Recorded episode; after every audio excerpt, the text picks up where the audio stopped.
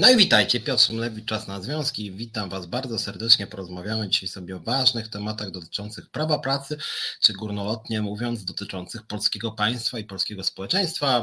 Pozdrawiam serdecznie bardzo też Edytę Bieńkowską, która jest producentką dzisiejszego e, programu. Witam serdecznie widzów i widzki. E, no i cóż, obiecałem Wam, że dzisiaj będę mówił o dwóch bardzo, bardzo poważnych sprawach, nazwijmy to misyjnych.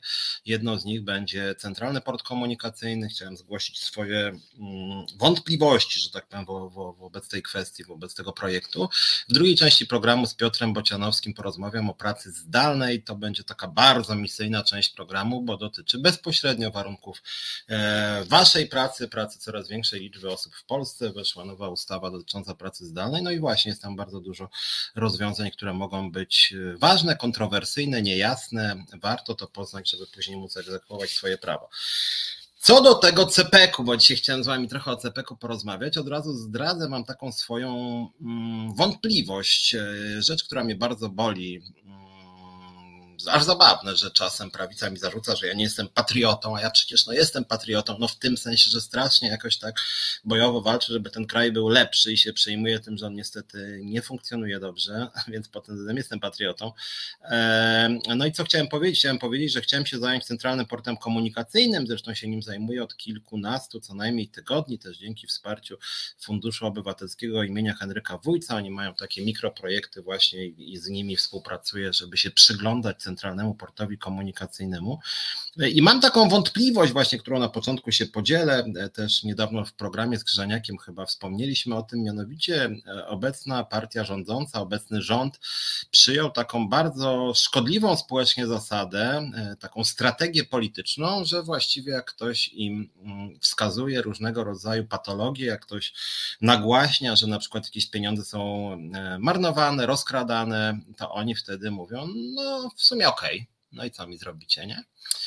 I tego typu mm, strategia sprawia, że dziennikarstwo śledcze na przykład, takie działania też jak moje wobec CPK-u, no tyle tracą sens, że ja wykrywam pewną patologię, pokazuję, no zobaczcie, zmarnowali 100 milionów złotych, tak na przykład było z wildami pana Czarnka, Czarnek mówi, no, no i co, no rozdałem swoim, co mi zrobicie, nie? I później wstaje, staje Janusz Kowalski na mównicy i mówi, brawo, brawo, nasz minister, nasz człowiek, brawo, brawo, wstaje, i wszyscy wstają, biją brawo, premier mówi, że gratuluje ministrowi Czarnkowi rozdania 40 milionów, Czarnek mówi, że następnym razem rozda jeszcze więcej.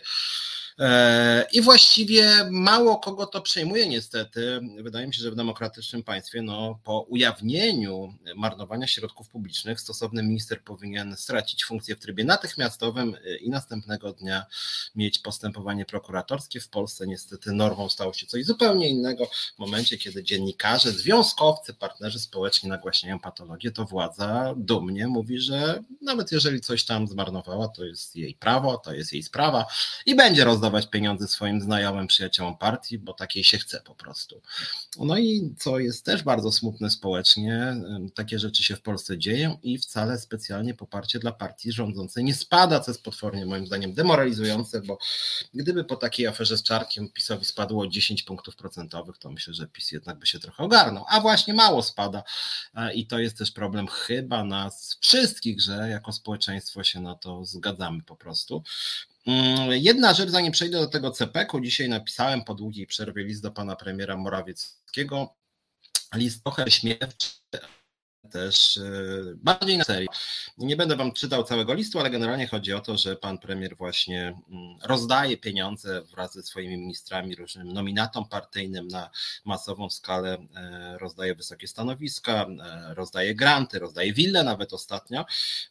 Nigdy się tu nie pojawia żaden argument o deficytach w budżecie państwa, nigdy się nie mówi o wzroście inflacji. PiS jak trzeba też dowartościować swój elektorat, to kolejne programy uruchamia. Jak mówię, nigdy nie mówi się tutaj o żadnych niebezpieczeństwach, niebezpieczeństwach, o tym, że inflacja może wzrosnąć, że może być deficyt finansów publicznych.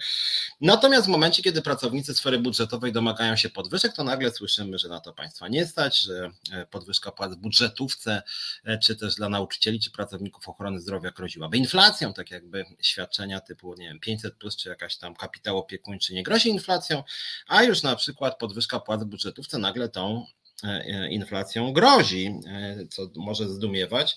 Stąd napisałem właśnie do premiera taki list, że jeżeli władza jest aż tak bogata, że może swoim ludziom rozdawać wille, stanowiska, że rozdaje właściwie wielu set już milionowe granty, no to w takim razie tym bardziej powinna przekazać część środków tym ludziom, którzy pełnią w tym państwie de facto najważniejsze funkcje, którzy mają bardzo odpowiedzialną pracę. Mam tu na myśli między innymi pracowników ochrony zdrowia, pracowników szkolnictwa, pracowników socjalnych, pracowników skarbówki, pracowników policji, e, pracowników ZUS-u. Bardzo dużo jest takich pracowników, którzy mają bardzo odpowiedzialne funkcje i jakoś o nich władza się specjalnie nie troszczy. Ich realne płace szybko się zmniejszają. Przypomnę, 4,4% fundusz płac wzrósł w ubiegłym roku, w tym roku 7,8% przy inflacji w ubiegłym roku około 14, 14,5 z tego co pamiętam.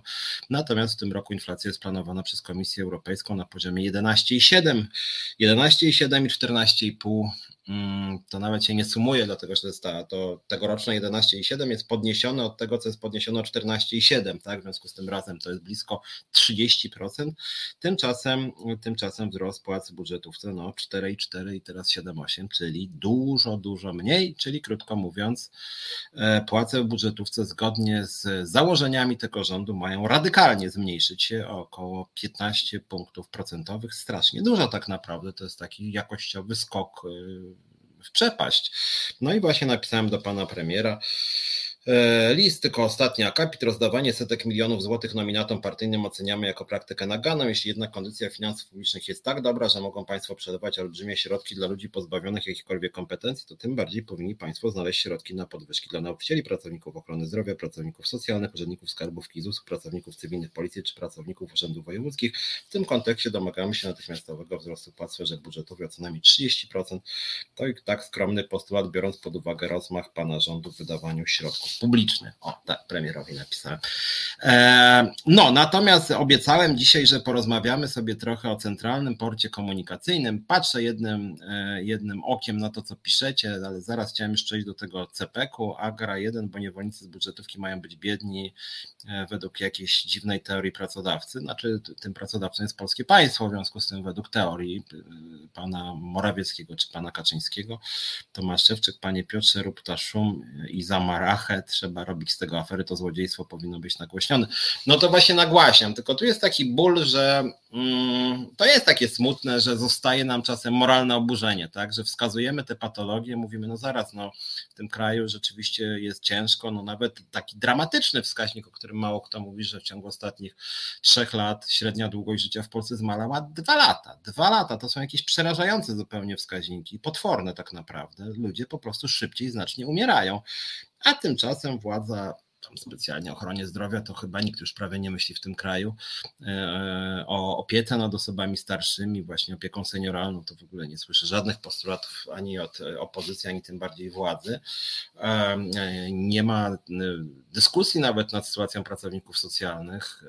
Ostatnio był tak na marginesie taki raport instytucji przyrządowej, na jakie zawody jest w Polsce największe zapotrzebowanie. No i tam nie ma ani jednego zawodu opiekuńczego, ani jednego zawodu związanego z funkcjonowaniem państwa. I oczywiście to nie jest wcale wina tych, którzy ten raport przygotowywali, tylko to jest tak, no, że te zawody typu ochrona zdrowia czy, e, czy bycie pracownikiem opieki zależy od popytu, który tworzy państwo. Tak? No i po prostu ten raport mówi tyle, że państwo nie prowadzi polityki mającej na celu zatrudnianie właśnie nauczycieli czy, czy opiekunów osób starszych. No niestety, takie to smutne bardzo jest. A jak chodzi o raporty Komisji Europejskiej, Unii Europejskiej, Eurostatu, czyli Europejskiego Urzędu Statystycznego, no to od wielu lat. E, pracownik socjalny czy opiekun osób starszych to jest jeden z bardziej e, potrzebnych zawodów, jedno z pierwszych miejsc na liście tych, tych zawodów deficytowych. No, Polska się tutaj niestety negatywnie wyróżnia. No to jest bardzo smutne. Sam jako związkowiec, jako obywatel, jako polityk w szerokim tego słowa znaczeniu uważam, że rzeczywiście, e, że rzeczywiście te zawody opiekuńcze powinny być absolutnym priorytetem mm, polskiego państwa. E, Tomasz Szewczyk, dziennikarze wszystkich krajów, łączcie się i aferować, to nie wystarczy, że ja w robocie nagadam, bo zbyt mały krąg. Dokładnie, aferować, ja mogę dodać, tylko zapraszam do Związkowej Alternatywy, mówię to co tydzień w tym programie, razem w związku zawodowym, możemy na pewno więcej. Dobra, chciałem słów parę powiedzieć o Centralnym Porcie Komunikacyjnym. Słuchajcie, więc prośba też o to, żebyście teraz przez chwilę przynajmniej komentowali e, odnośnie właśnie Centralnego Portu Komunikacyjnego. Co na ten temat, na temat tego projektu sądzicie? Mm, ja już lat temu kilka zajmowałem się Centralnym Portem Komunikacyjnym, w ogóle e, problematyką lotnictwa. Jak pamiętacie, w 2018 roku brałem udział w strajku w PLL LOT, gdzie właśnie liderką była Monika Żeladzik, stewardesa, która dzisiaj jest wiceprzewodniczącą Związkowej Alternatywy. Mm, wtedy ten strajk był zresztą wygrany. W zasadzie wszystko nam się udało zrealizować na czele z podwyżką wynagrodzeń zasadniczych stewardes o 1000 zł. I wtedy między innymi zacząłem się interesować transportem lotniczym. Brałem udział w różnych dyskusjach na temat właśnie CPK-u. Strona społeczna, wiele środowisk proponowało jako alternatywę wobec CPK-u duoport, czyli właśnie lotnisko Okęcie i lotnisko w Modlinie. Mimo to władza bardzo ostro parła, żeby ten CPK jednak powstał. E, e, był tutaj e, program dwa razy, nawet zaprosiłem do resetu pana Tadeusza Szymańczaka, który reprezentuje mieszkańców, między innymi właśnie Baranowa i tych, i tych miejscowości, które tam są wokół miejscowości, na terenie których ma powstać CEPEK. Ludzie tam mają być wywłaszczani i oto jest też spór, jakie mają być warunki tych wywłaszczeń. E, władza generalnie nie rozmawia z ludźmi, wiele z tych miejscowości była i jest przeciwna e, budowie CEPEK-u w tym miejscu. E, przepisy, które wchodzą w życie i które mają prowadzić właśnie do eksmisji tych mieszkańców są niejasne, zmieniają się na wielu obszarach, są arbitralne. Natomiast o tym w tym programie mówiłem, właśnie to był Tadeusz Szymańczak, być może go niedługo jeszcze zaproszę, natomiast dzisiaj chciałem się skupić mm, i powiedzieć Wam o kilku, podsumować może tak e, kilka innych wymiarów e, CPK-u i Wam e, zrekonstruować moją korespondencję z panem ministrem Chorałą i z Ministerstwem Funduszy i Polityki Regionalnej. I muszę Wam powiedzieć, że ta moja korespondencja właściwie jest takim dobrym przykładem, jak ta władza rozmawia ze społeczeństwem. No ja tam występowałem jako związkowiec i jako dziennikarz również. Ja umiem pisać tego typu wnioski, znam język polski, jestem dziennikarzem, w związku z tym um, trudno się było doczepić do spraw formalnych, tak mi się przynajmniej wydaje, też się trochę wgryzłem w tą problematykę. Mimo to władza robiła wszystko, żeby mnie nie informować na temat, na tematy ważne w sumie, no to jest inwestycja jakby nie było, która ma kosztować polskie państwo grube miliardy i ma być realizowana przez lata, no i ma być takim strategicznym, mm, no de facto motorem napędowym w ogóle polskiej gospodarki. Ja mam, jak wielu zresztą komentatorów i ekspertów, bardzo poważne wątpliwości, czy ten projekt się w ogóle spina, czy on będzie w ogóle zrealizowany i czy on jest robiony mm, w sposób prawidłowy, mówiąc delikatnie. No i właśnie, może powiem Wam o takich czterech, pięciu wymiarach, które budzą moje poważne wątpliwości. Władza tych moich wątpliwości nie rozwiała. Mm, pierwsza sprawa to jest sprawa, kto buduje CEPEK. E, Ministerstwo Funduszy Polityki Regionalnej, spółka CEPEK SA robiła już mnóstwo przetargów.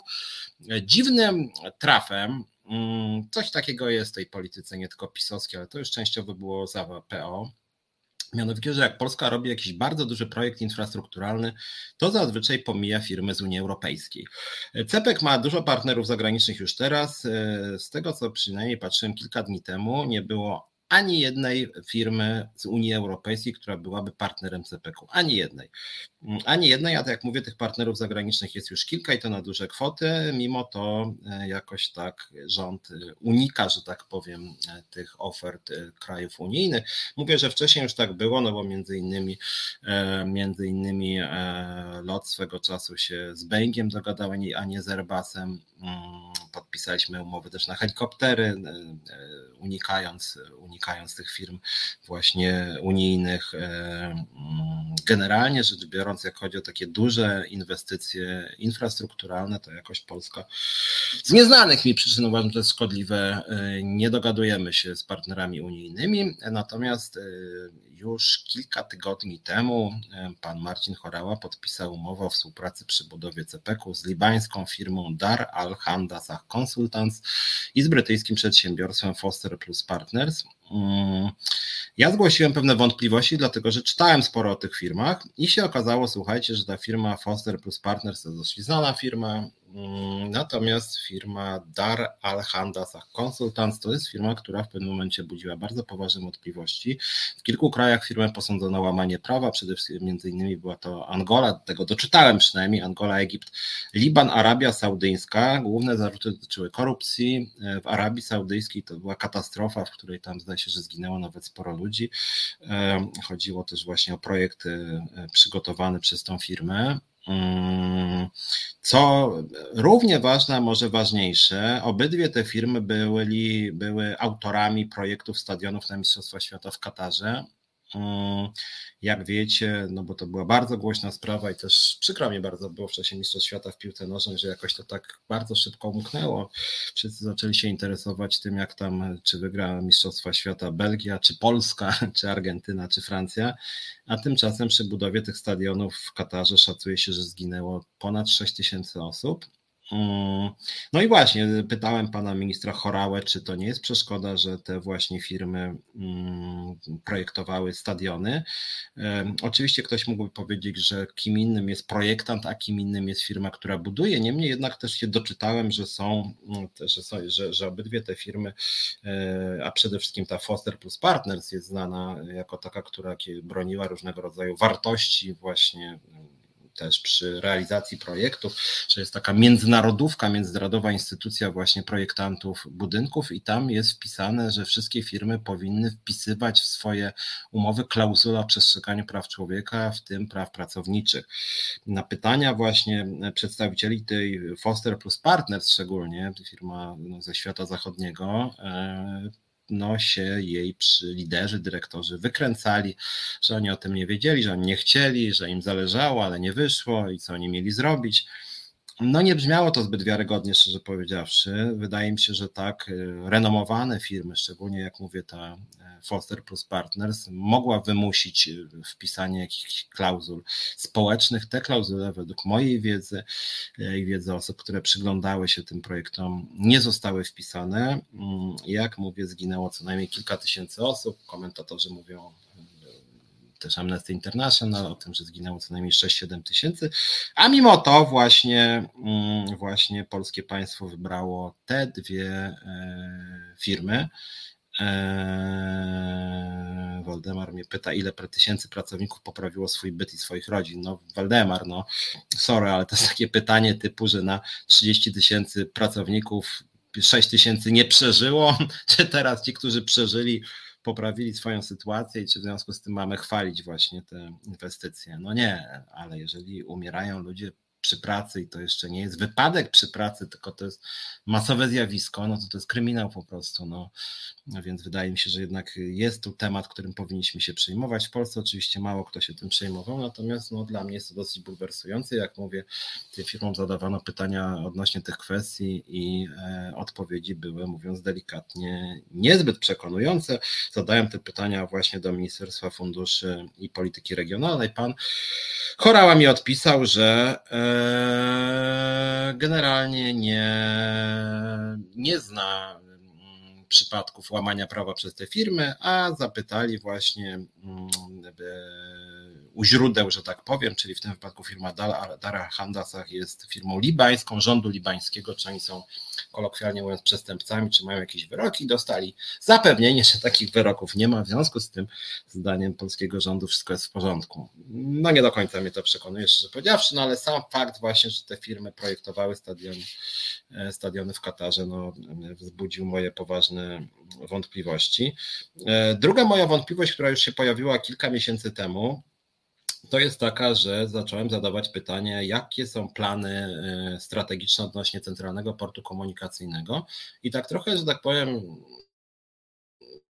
z góry zacząłem pytać, dlaczego w ogóle potem Skarbu Państwa.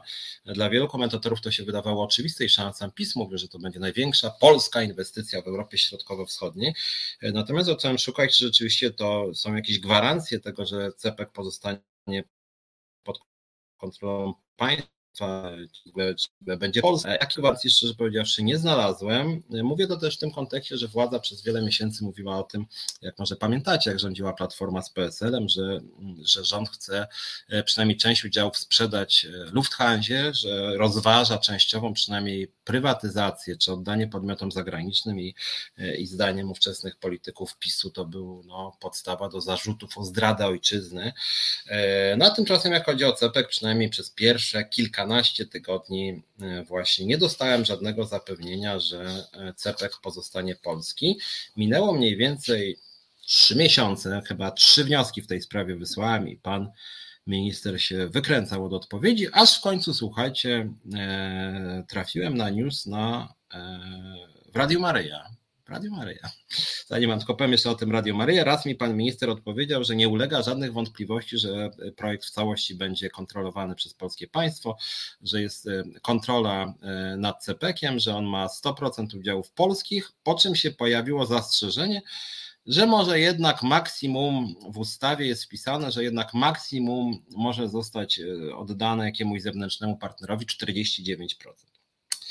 I co się stało, że na antenie Radia Maryja około dwa tygodnie temu czytam nagle, że pan Mikołaj Wilc, prezes CPK-u, ogłosił, że spółka CPK będzie podzielona 51% zostanie e, w skarbie e, państwa i w państwowych osobach prawnych, a 49% będzie przeznaczone dla inwestorów branżowych i finansowych, czyli zewnętrznych, krótko mówiąc.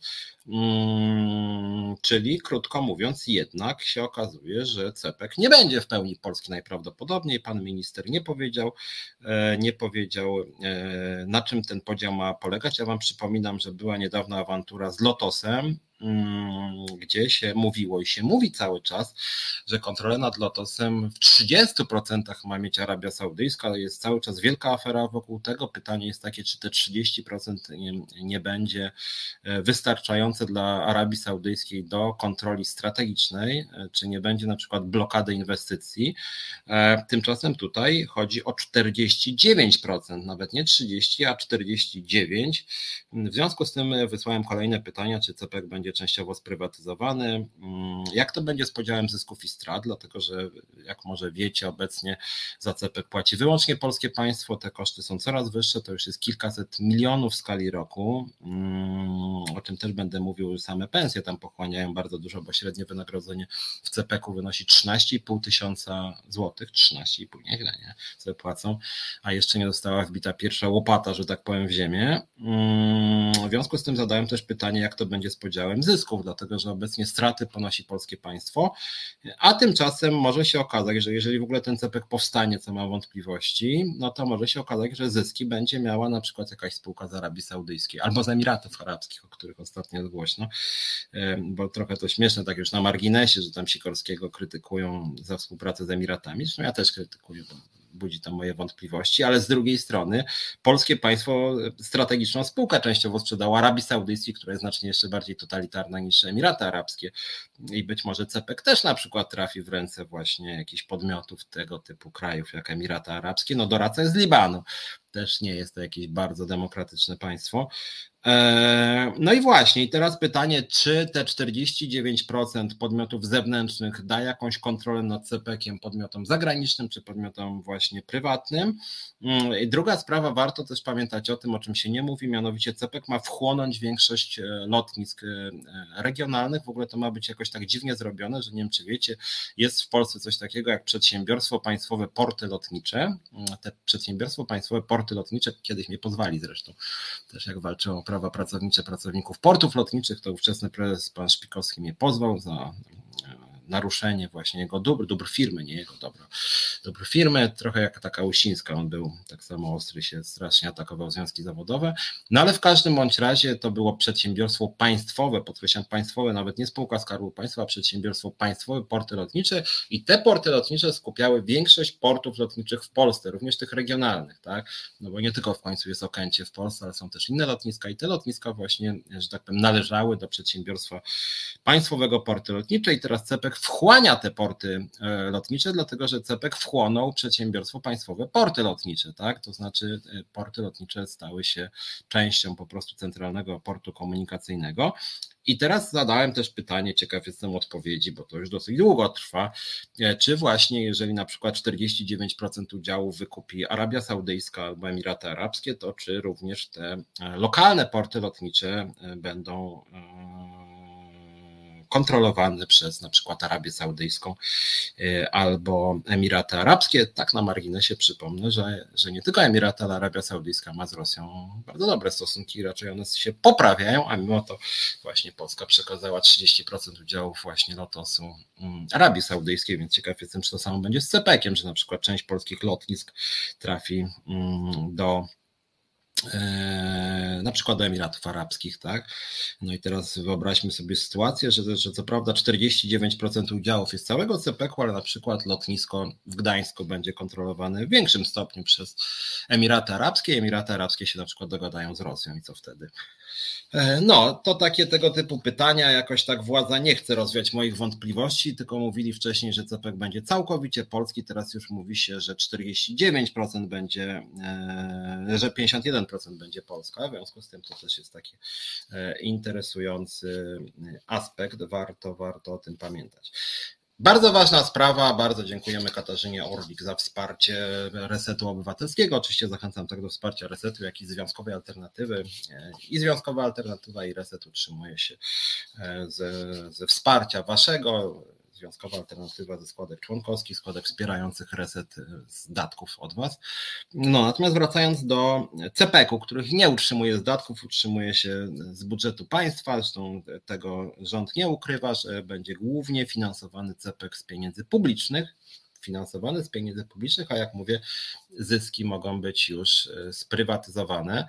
E, w związku z tym, w związku z tym E, chciałem powiedzieć jeszcze kilka rzeczy właśnie o tym e, CPK-u. Tu patrzyłem na nasz private chat, bo Piotrek mi pisał o różnych właśnie e, zasadach i, mm, standardach dotyczących, dotyczących właśnie tych dużych firm, Foster and Partners, tam, tam są zasady wpisane też na ich stronie, no więc właśnie o to chodzi. Z jednej strony deklarowali różnego rodzaju zasady, a z drugiej strony z przestrzeganiem tych zasad w praktyce mm, jest różnie. No natomiast wracając do, do CPK-u samego. Kolejna sprawa to, są, to jest rzecz, która jest dla mnie w ogóle bardzo ciekawa i sam się jej trochę przyglądałem, mianowicie szacunki dotyczące liczby pasażerów.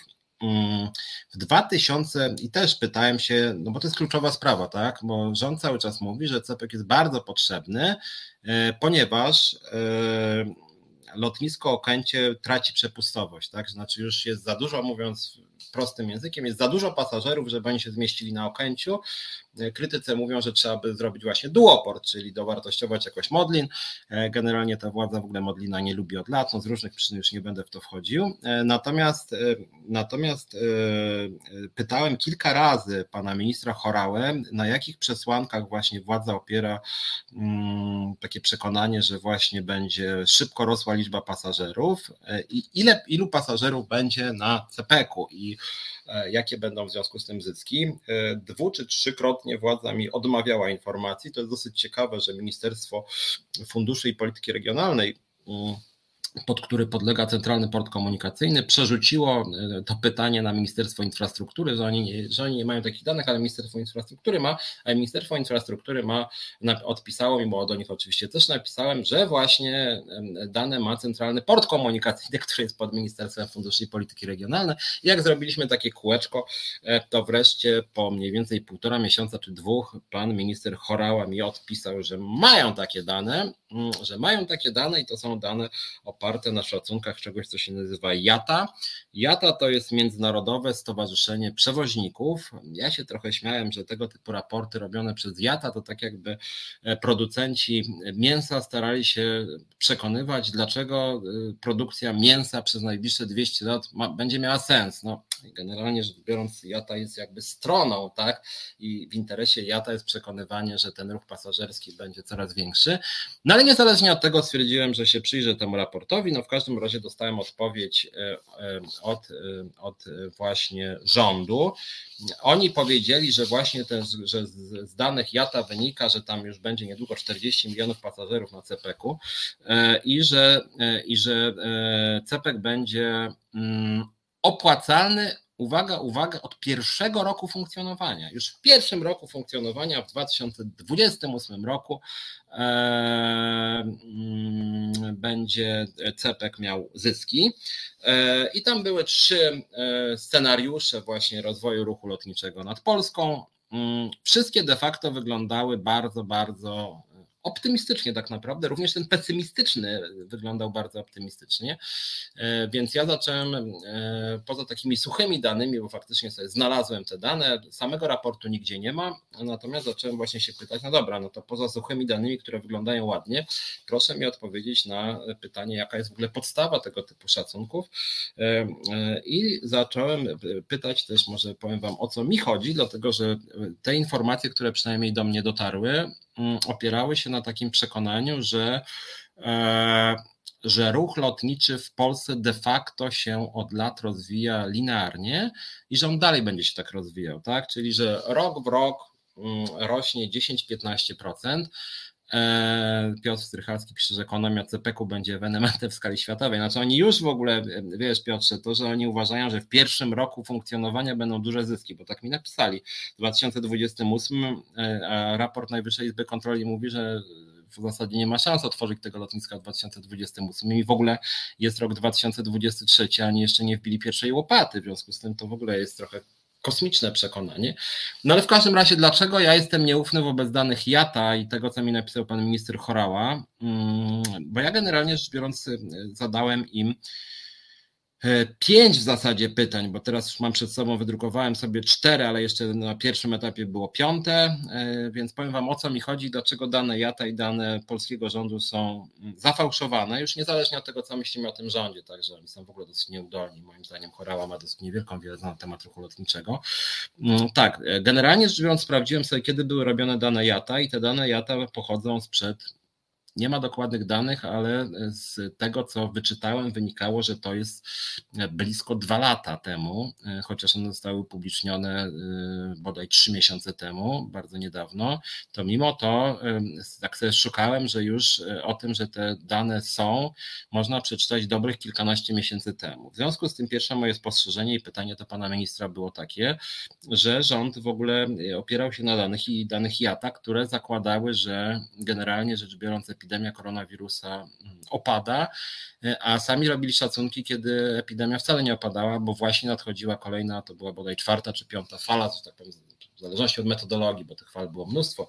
No w każdym bądź razie dane JATA były z czasów, kiedy epidemia w zasadzie narastała, a to był akurat taki czas, kiedy wydawało się, że, że epidemia może się szybciej skończyć. W związku z tym te dane moim zdaniem były zbyt optymistyczne po prostu y, i te dane zakładały, że więcej mm, epidemii w ciągu najbliższych 10 lat po prostu nie będzie, że to był taki jednorazowy wypadek przy pracy, że nagle się ten koronawirus nam pojawił i już od tej pory do roku co najmniej 2028 to ludzie będą w ten sposób, prawda, do góry ten ruch lotniczy nie tylko się odbije, e, ale będzie bardzo szybko się rozwijał. Oni też założyli, że, mm, że nastąpi w zasadzie już pod koniec tego roku 2023 powrót do liczby pasażerów z okresu tuż przed epidemią. Tak, tak sobie e, pozakładali. Mm, no co jest bardzo dziwne, lotniska kosztowne, a zaraz stoją ze chwastami w Europie i na świecie też ja to opiniowała jako zyskowne. Trzeba by przeczytać, jakie są ich historie, jak danych, bo ja też nie chcę odbierać im jakiejkolwiek wiarygodności. To są też eksperci, tylko mówię, że oni są też stroną, mają swoje interesy, tak? To jest towarzystwo de facto mm, firm lotniczych, tak? W związku z tym no, w ich interesie jest bronić tego, że te firmy lotnicze się będą rozwijać, a nie zwijać przewoźnicy, tak? Więc ale to pierwszy wskaźnik, tak? E, drugi wskaźnik, rzecz bardzo ważna i o tym nie mogli po prostu wiedzieć, ponieważ raport powstał, jak mówię, znacznie wcześniej, to było rzędu dwa lata temu. Mam na myśli wojnę w Ukrainie i generalnie rzecz biorąc, co się stało z ruchem lotniczym przez wojnę w Ukrainie. Ja sobie przeczytałem, jakie, jaka część polskiego ruchu lotniczego dotyczy tych kierunków wschodnich Ukrainy czy Rosji, gdzie obecnie samoloty generalnie nie latają. No i się okazało, że to jest 7% polskiego ruchu lotniczego. Mm, więc też zadałem pytanie, czy czy właśnie oszacowali właśnie ten odsetek polskiego ruchu lotniczego, który wiąże się z kierunkami objętymi działaniami wojennymi, jak to wpłynie na e, liczbę lotów, czy uwzględnia sytuację, że ta liczba lotów w ciągu najbliższych 3-4 lat spadnie. E, no i tam pojawiło się jedna, pierwsza odpowiedź była wymijająca, że generalnie oni po prostu rzutują to, co było wcześniej, nie widzą podstaw, żeby to uwzględniać jak zresztą ze wszystkimi moimi sugestiami i pytaniami. Drugie, które również nie mogli tego przewidzieć, mianowicie czy w swoich szacunkach dotyczących liczby pasażerów e, rząd uwzględnił wzrost cen energii, a co za tym idzie wzrost cen biletów lotniczych e, i jakie są ich szacunki odnośnie zmian cen biletów lotniczych w najbliższych latach. No i znowuż nie ma odpowiedzi, napisali, że e, po prostu projektują to, co było w przeszłości. No to trudno jest projektować, bo inflacja jest najwyższa w większości krajów świata, nawet nie Europy, a świata od no, od mniej więcej 30 lat. W Polsce obecnie nawet dzisiaj, e, dzisiaj inflacja ponad 17% znowu. E, to, jest, to są wskaźniki inflacji najwyższe od lat 90., od początku lat 90. i Polska tu nie jest wyjątkiem. No jak wiemy, jak słyszeliście, pewnie Węgry nawet ponad 25, no ale również strefa euro, lepsza jest sytuacja niż w Polsce, ale ponad 10. Między innymi szybko wzrosły, rosną ceny energii, w związku z tym rosną też ceny e, biletów, tak? Więc wydaje mi się to bardzo ważne. A mimo to rząd e, stwierdził, że to nie jest istotny czynnik dla ruchu lotniczego, że ceny biletów lotniczych rosną. Rzecz dosyć niezwykła, że tu się tego nie uwzględnia. Kolejna sprawa, również zadałem o to pytanie, mianowicie czy w swoich szacunkach dotyczących liczby pasażerów w najbliższych latach rząd uwzględnia odwrót y, y, części pasażerów, którzy uważają, że korzystanie z transportu lotniczego przyczynia się do emisji CO2, czyli kwestia nazwijmy to taka mm, społeczna, etyczna. E, ja mam trochę znajomych w krajach Europy Zachodniej, nie lubię używać argumentu znajomych, ale mówię o tym, że oni przekazują informacje dotyczące tego, jakie są nastroje społeczne, jakie są sondaże, e, więc muszę Wam powiedzieć, że rzeczywiście taki etyczny sprzeciw wobec lotów samolotami, e, przenoszenie e, transportu na transport kolejowy ma miejsce na zachodzie na coraz większą skalę. Oczywiście mowa jest głównie o krótkich dystansach, jeżeli ktoś leci, nie wiem, z, ze Sztokholmu do Nowego Jorku, no to wiadomo, że nie ma innego wyjścia niż polecieć samolotem, ale już jeśli chodzi o trasę na przykład Warszawa-Budapeszt, Warszawa-Berlin, Warszawa-Wiedeń, no to już mogą, może się okazać, czy może nie Warszawa, właśnie nie, bo Polska, bo Polska na razie w tym ruchu na rzecz ograniczenia emisji CO2 no nie jest w awangardzie, mówiąc delikatnie, ale jeśli chodzi o trasy na przykład Berlin-Paryż, e, Berlin-Madryd, e, mm, Berlin-Wiedeń, no to już rzeczywiście coraz więcej e, pasażerów rezygnuje z transportu lotniczego i biorąc pod uwagę zmiany postaw w krajach Unii Europejskiej, gdzie partie zielonych stają się de facto establishmentem i te zielone postulaty są mm, de facto przejmowane przez tak lewą, jak i prawą stronę sceny politycznej, to moim zdaniem nastąpi radykalny spadek liczby lotów, zostanie ograniczony transport lotniczy, no i generalnie z tej mojej korespondencji z e, panem Chorałą i Ministerstwem Funduszy i Polityki Regionalnej wynika, że oni uważają, że to w ogóle żadne, żadnego wpływu nie ma. Nie 5%, tylko 0%. Tak oni uważają, że wszyscy będą coraz częściej latać dokładnie tak samo jak, nie wiem, z roku 2007 na 2008 na 2009. No, śmiem wątpić, szczerze powiedziawszy. E, bardzo ważna sprawa też jest znowuż, rząd uważa, że zmiana będzie 0,0, e, mianowicie temat, który poruszę za minut 20 z Piotrem Bocianowskim, czyli praca zdalna, komunikacja zdalna. Zadałem rządowi też pytanie, czy w swoich szacunkach dotyczących liczby pasażerów w najbliższych latach uwzględnili Państwo wzrost znaczenia pracy zdalnej i związany z nią spadek liczby spotkań biznesowych. Mm, nie mam tutaj dokładnych szacunków i takich e, badań chyba również JATA nie przeprowadzało tak na marginesie, mianowicie jaki procent pasażerów to są pasażerowie biznesowi na krótkich też często jednodniowych czy dwudniowych spotkaniach. Mam tu na myśli loty na przykład Warszawa-Bruksela, Warszawa-Londyn, e, e, Londyn-Paryż, Paryż-Bruksela, Berlin-Bruksela, Berlin-Paryż i takich przypuszczam lotów jest bardzo dużo. Wiem, że dużo firm międzynarodowych, nie tylko w skali jednego kraju, ale w skali Europy czy świata przechodzi na pracę zdalną, w związku z tym takich szybkich spotkań biznesowych rzeczywiście będzie prawdopodobnie o rzucam 30% mniej. A to są loty biznesowe, w związku z tym to są duże zyski dla linii lotniczych, to są te droższe loty. Firma płaci tak za klasę biznes. No i znowuż polski rząd nie przewidział, nie założył, że liczba pasażerów spadnie. Konkludując, y, moja teza oczywiście jest taka, że y, CEPEK się po prostu nie opłaca, dlatego że biorąc pod uwagę te pięć wskaźników, a być może dałoby radę jeszcze znaleźć szósty czy siódmy, po prostu CPK się nie kalkuluje.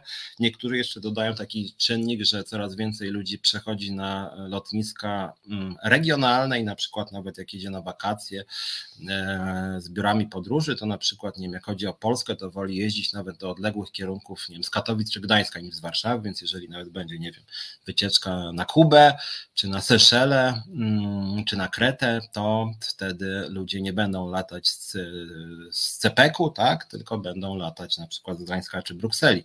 E, zresztą wydaje mi się, że biorąc pod uwagę odległość na przykład nawet od centrum Warszawy, Okęcie jest znacznie bardziej komfortowe po prostu dla mieszkańców Warszawy niż, niż byłby e, port w Baranowie, jeśli chodzi nawet i o jakieś wyjazdy na wczasy i wyjazdy krótkotrwałe do na przykład innych miast. No jeżeli ja bym chciał samolotem lecieć z Warszawy do Szczecina i miałbym, nie wiem, przez ponad godzinę mm, przedostawać się do lotniska w Baranowie, no to taki średni interes, tak? To, to również byłby argument wtedy, że właśnie nie ma sensu latać e, z Baranowa, które nawet jeżeli będzie jakaś szybka kolej, do, gdzie można się będzie dostać z różnych części Polski, no to jednak ludzie nie lubią, prawda, nadkładać dodatkowej godziny, dwóch czy trzech. E, więc e, konkludując, wydaje mi się, że pod tym względem się CEPEK nie spina biznesowo i rząd, muszę przyznać, że mi nie odpowiedział, przynajmniej póki co, a już koresponduję z nimi ponad trzy miesiące na te wątpliwości dotyczące liczby pasażerów, a powtarzam, jest to kluczowy argument za tym, żeby CEPEK w ogóle e, powstał, więc tu jest bardzo, bardzo e, poważna wątpliwość.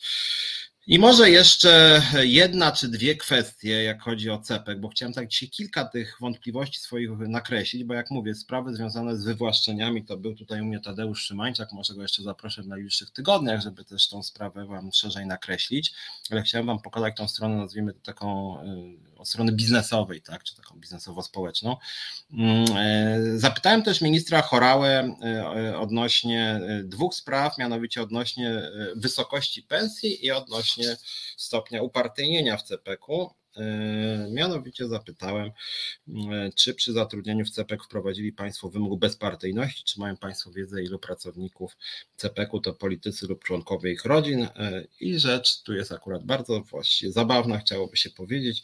Mianowicie to pismo zresztą osobiście podpisał Pan Chorała, więc ja wcześniej mówiłem Chorała, tak, tak powiem symbolicznie, bo on odpowiadał za CPK. Akurat to pismo on osobiście podpisał. Napisał, że informuje, że spółka CPK nie jest uprawniona do zbierania informacji dotyczących przynależności partyjnej pracowników ich rodzin. E, I tutaj cytat z RODO, że nie można przetwarzać danych osobowych odnośnie e, między innymi się wymienia pochodzenie rasowe i etniczne, poglądy polityczne, przekonania religijne lub światopoglądowe i później Chorała mi podsumował, że to czy ktoś należy do PiSu czy nie, partii spytałem, żeby było jasne, ale wiadomo, że o PiS chodzi. Napisał mi, że te dane są zaliczane do kategorii wrażliwej i podlegają szczególnej ochronie, czyli no tak rozumując, to właściwie mm, żadna instytucja w Polsce nie mogłaby wprowadzić wymogu bezpartyjności, jeżeli partyjność jest, e, przynależność do partii jest kwestią, e, którą chroni RODO, zdaniem pana ministra. Tak na marginesie ten przepis, który przytoczył pan minister, artykuł 9 ustawy RODO, E, że jeszcze raz zacytuję, tu się zabrania przetwarzania danych ujawniających pochodzenie rasowo-etniczne, poglądy polityczne, nie przynależy do partii politycznych. Są cały czas jednak stanowiska, które zakładają, że do partii politycznej e, nie można należeć, więc wydaje mi się, że akurat tutaj to jest jakaś oryginalna ścieżka interpretacyjna ministra Chorały, e, który to, no chyba jakby ją wdrożyć konsekwentnie, to w żadnym urzędzie nie można by oczekiwać bezpartyjności, czy to też nie wiem, od części e, służby cywilnej, czy od sędziów, prokuratorów, kogo tam jeszcze, no, najwyraźniej pan, znaczy no, prokurator akurat, jak wiemy, generalny, nawet do partii należy, nawet jest liderem. I rzeczywiście, jak chodzi też o służbę cywilną, PiS w pewnym momencie rzeczywiście zniósł częściowo wymóg bezpartyjności, więc tutaj pan Chorała jest konsekwentny, no ale to na swój sposób zabawny, że, że, że właśnie pan Chorała uznał pytanie o stopień partyjniactwa w CPK jako pytanie niedopuszczalne, ponieważ atakuje dane wrażliwe pracowników mm, CPK-u. No i wreszcie spytałem, e, spytałem pana prezesa Chorałę, pana ministra, przepraszam, Chorałę, e, że ze sprawozdania zarządu spółki z 2021 roku wynikało, że średnie wynagrodzenie w CPK-u wynosiło ponad 13 tysięcy brutto. E, w jaki sposób ustalono poziom wynagrodzenia? Czy te wynagrodzenia są bliskie pensjom pracownikom zatrudnionych na podobnych stanowiskach w sferze budżetowej? No i tam wymieniłem księgowe, pracownicy sekretarza sekretariatu kierowcy, no bo tego typu zawody również są oczywiście w CPK-u. No i pan e, minister znowuż mi napisał, na gruncie obowiązującego prawa wysokość wynagrodzeń w poszczególnych grupach nie może zostać ujawniona. Mm, zgodnie z przepisami kodeksu cywilnego, kodeksu pracy, wynagrodzenie jest zaliczane do dóbr osobistych pracowników, podlega ochronie i jest objęte autonomią informacyjną. No coś niesamowitego, dlatego że ja nie pytałem pana ministra o to, czy ile zarabia pan Iksiński, zatrudniony jako, nie wiem, sekretarz czy sekretarka w jego biurze, tylko ja się pytałem na stanowiskach i żeby porównać te wynagrodzenia ze stanowiskami w sferze budżetowej, czyli na przykład wymieniłem księgowe, pracownik sekretariatu kierowcy. Pan minister jednak uznał, że, że to jest tajne. Tajne są wynagrodzenia, bo to narusza czyjeś dobra osobiste. Coś niesamowitego swoją drogą. No dobra, to tak chciałem Wam te pół godzinki yy, pomyślcie, bo nakreśliłem takie pole. Ja oczywiście jestem otwarty też tym CPK-iem, chciałem się zająć dosyć profesjonalnie. Jak mówię, mam pewien ból związany z CPK-iem, związany z tym, że ja wskazuję, moim zdaniem to, co powiedziałem, to jednak są pewne patologie, a przynajmniej patologie. No, być może to są patologie, ponieważ, jak mówię, rząd nie chce mi odpowiedzieć na wiele e, z pytań, które zadałem. Nie chce uwzględnić czynników, które poruszyłem i przeprowadzić analizę na przykład, na ile właśnie te czynniki wpływają na sensowność rentowność CPK-u. W związku z tym to, no, patologią jest to, że rząd, rząd się nie interesuje e, tego typu problemami. Mm, no, ale generalnie warto, wydaje mi się, tym e, zajmować. No właśnie, Anna Kurczuk pisze, może moje pytania nie dotyczyły konkretnych osób e, i w tym sensie chorała nie ma racji. No też mi się tak wydaje. Jeżeli ja piszę, e, jeżeli ja wysyłam pytanie do ministerstwa, jaka jest średnia wynagrodzeń na jakimś stanowisku, to ja nie naruszam niczyich dóbr. Ja nie pytam o wynagrodzenie pana Iksińskiego i pana Nowaka czy, czy, czy Malinowskiego, tylko pytam właśnie o poziom wynagrodzeń w poszczególnych grupach zawodowych. E, panie Piotrze, czy Pan w tym kraju działa w pojedynkę, bo mam wrażenie, że związków w naszym kraju już nie ma, oprócz Solidarności ZNP Martwe. No ja nie działam w pojedynkę Tomaszu, ponieważ do Związkowej Alternatywy należy już około 6 tysięcy osób, jak mówiłem w jednym z poprzednich programów, w samym 2022 roku przystąpiło do nas około 3300 pracowników, czyli podwoiliśmy się, ponieważ obecnie nas już jest ponad 6 tysięcy, więc ja wszystkich niezmiennie zapraszam do Związkowej Alternatywy. No pomóżcie, tak? Ja za Was oczywiście, więc ja nie chcę działać pojedynkę, ja Was zapraszam, żebyśmy wspólnie działali.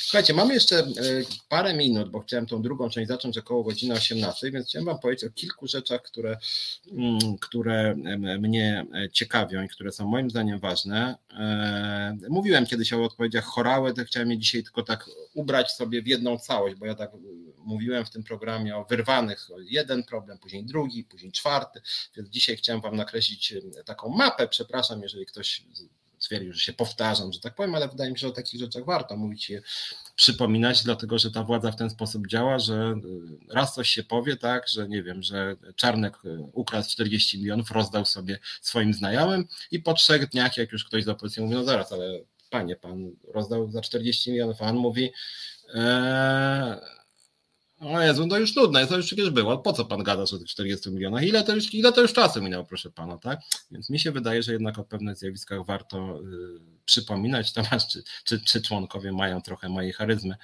No mamy charyzmatycznych liderów, mamy y, chociażby, zapraszam do tego programu, y, czy to Ilonę Garczyńską, czy Agatę Jagodzińską, Darka Pawelczaka.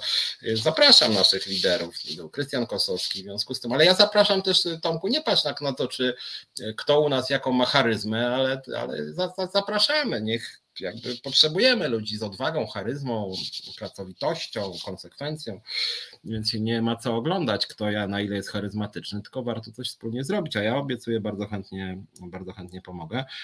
Powiem tylko może jeszcze dwa zdania przed przerwą na temat tego, co się dzieje w SI Polska, być może z Krystianem Kosowskim pogadam w najbliższych dniach, ale słuchajcie, to jest odjazd, co robi pan to i trochę szczerze powiedziawszy, jakby, bo to jest śmieszne na swój sposób, tak? Pamiętacie, jak mówiłem Wam chyba w ostatnim programie, że ostatnio pan prezes, czy raczej reprezentujący firmę, pan Myszczyński, który tam jest prokurentem, więc ma uprawnienia do reprezentowania firmy, napisał, że on nie, nie, nie wie z kim od nas rozmawiać, naszym związkiem, dlatego że ma wątpliwości do naszej reprezentacji i on by chciał nasze papiery zbadać e, grafologicznie, analizą grafologiczną, tak? No więc ja mu już tam pięć razy odpowiedziałem, że szanowny panie, Związek w Polsce zawodowy jest organizacją niezależną od pracodawcy. No właśnie, Gonia, o tym chciałem powiedzieć, o tym SI. No nie poprawiła się w tym sensie, że jest wojna, to znaczy pracodawca idzie z nami na wojnę. Ja ciągle tłumaczę pracodawcy, czego on nie rozumie, że zgodnie z artykułem pierwszym ustawy zawodowych związek swoich działaniach od pracodawcy. Niezależny od pracodawcy, niezależny od państwa, niezależny od samorządu, ale kluczowe jest to, że związek zawodowy jest niezależny od pracodawcy i to było bardzo ważne już yy, w PRL-u de facto. O to chodziło tak naprawdę yy, Solidarności. Tak? To był kluczowy postulat Solidarności. No, to oczywiście było to, żeby w ogóle uznać, że oni istnieją, ale kluczowe było to, żeby uznać, że oni są niezależni od władzy. Więc w gruncie rzeczy mamy formalnie demokrację, mamy rozbudowane prawo o związkach zawodowych, mamy konstytucję, tak? E, a z drugiej strony cały czas nie uznaje się niezależnych związków zawodowych, dotyczy tak pani Uścińskiej z ZUS-u, jak i dotyczy pana Nito z SI Polska, e, więc ja już im zacząłem w pisać, ludzie, odwalcie się od nas, dlatego że to, kto nas reprezentuje, to jest nasza sprawa. I ostatnio znowuż pan Myszczyński, e, e, DW do pana Nito, w związku z tym panowie razem tam współpracują przy pisaniu tych pism, przygotowywaniu tych pism, napisał, że właśnie on bardzo by chciał z nami porozmawiać, ale nie przesłaliśmy mu wszystkich papierów, więc oni nie mogą nas pełni uznać. Eee, Tomasz Syndrolewicz, jeżeli urzędnik nie zamierza udzielić odpowiedzi na pytania dotyczące spraw publicznych, zasłaniając się dyrektywą RODO, to oczywiste, że ukrywa rzeczy niebezpieczne, to śmierdzi. Oczywiście, że śmierdzi, tak. Mm, to też mam na myśli. Natomiast wracając do SI Polska, e, więc ja już ostatnio, jak nam mi napisał, nam napisał, bo to też Krystianowi Kosowskiemu, naszemu związkowi w SI, że szanowni Państwo, niestety nie możemy z Wami rozmawiać, ponieważ ponieważ nie jesteśmy pewni co do waszej reprezentacji. Ja wcześniej napisałem, nasza reprezentacja jest taka, że ja jestem w KRS-ie wpisany Piotr Szumlewicz, przewodniczący Związkowej Alternatywy, Monika Żelaś, wiceprzewodnicząca Związkowej Alternatywy, e, natomiast Związek Zawodowy naszych pracowników WSI jest naszą komórką organizacyjną i ja to potwierdzam. I taki mamy statut, że ja decyduję razem z Moniką Żelazik o tym, kto jest naszą jednostką organizacyjną. Oczywiście ta nasza jednostka organizacyjna też musi zadeklarować, że chce być naszą jednostką organizacyjną. Jednostka potwierdziła, centrala potwierdziła, w związku z tym pracodawca musi uznać, po prostu musi, nie ma tu żadnej dyskusji, a mimo to uznawać nie chce. W związku z tym już ostatnio napisałem panu Myszczyńskiemu, krótki liścik i panu Nitos i Polska, więc napisałem w odpowiedzi na ich e, pismo. Wciąż mamy problem z prowadzeniem z państwem dialogu, ponieważ nie dostaliśmy dokumentacji, która dowodziłaby, że pan Nito jest prezesem SI Polska, a pan jest szefem działu prawnego firmy, biorąc zaś pod uwagę kuriozalność pana pism, narzucają się wątpliwości, czy nie podszywa się pan pod firmę.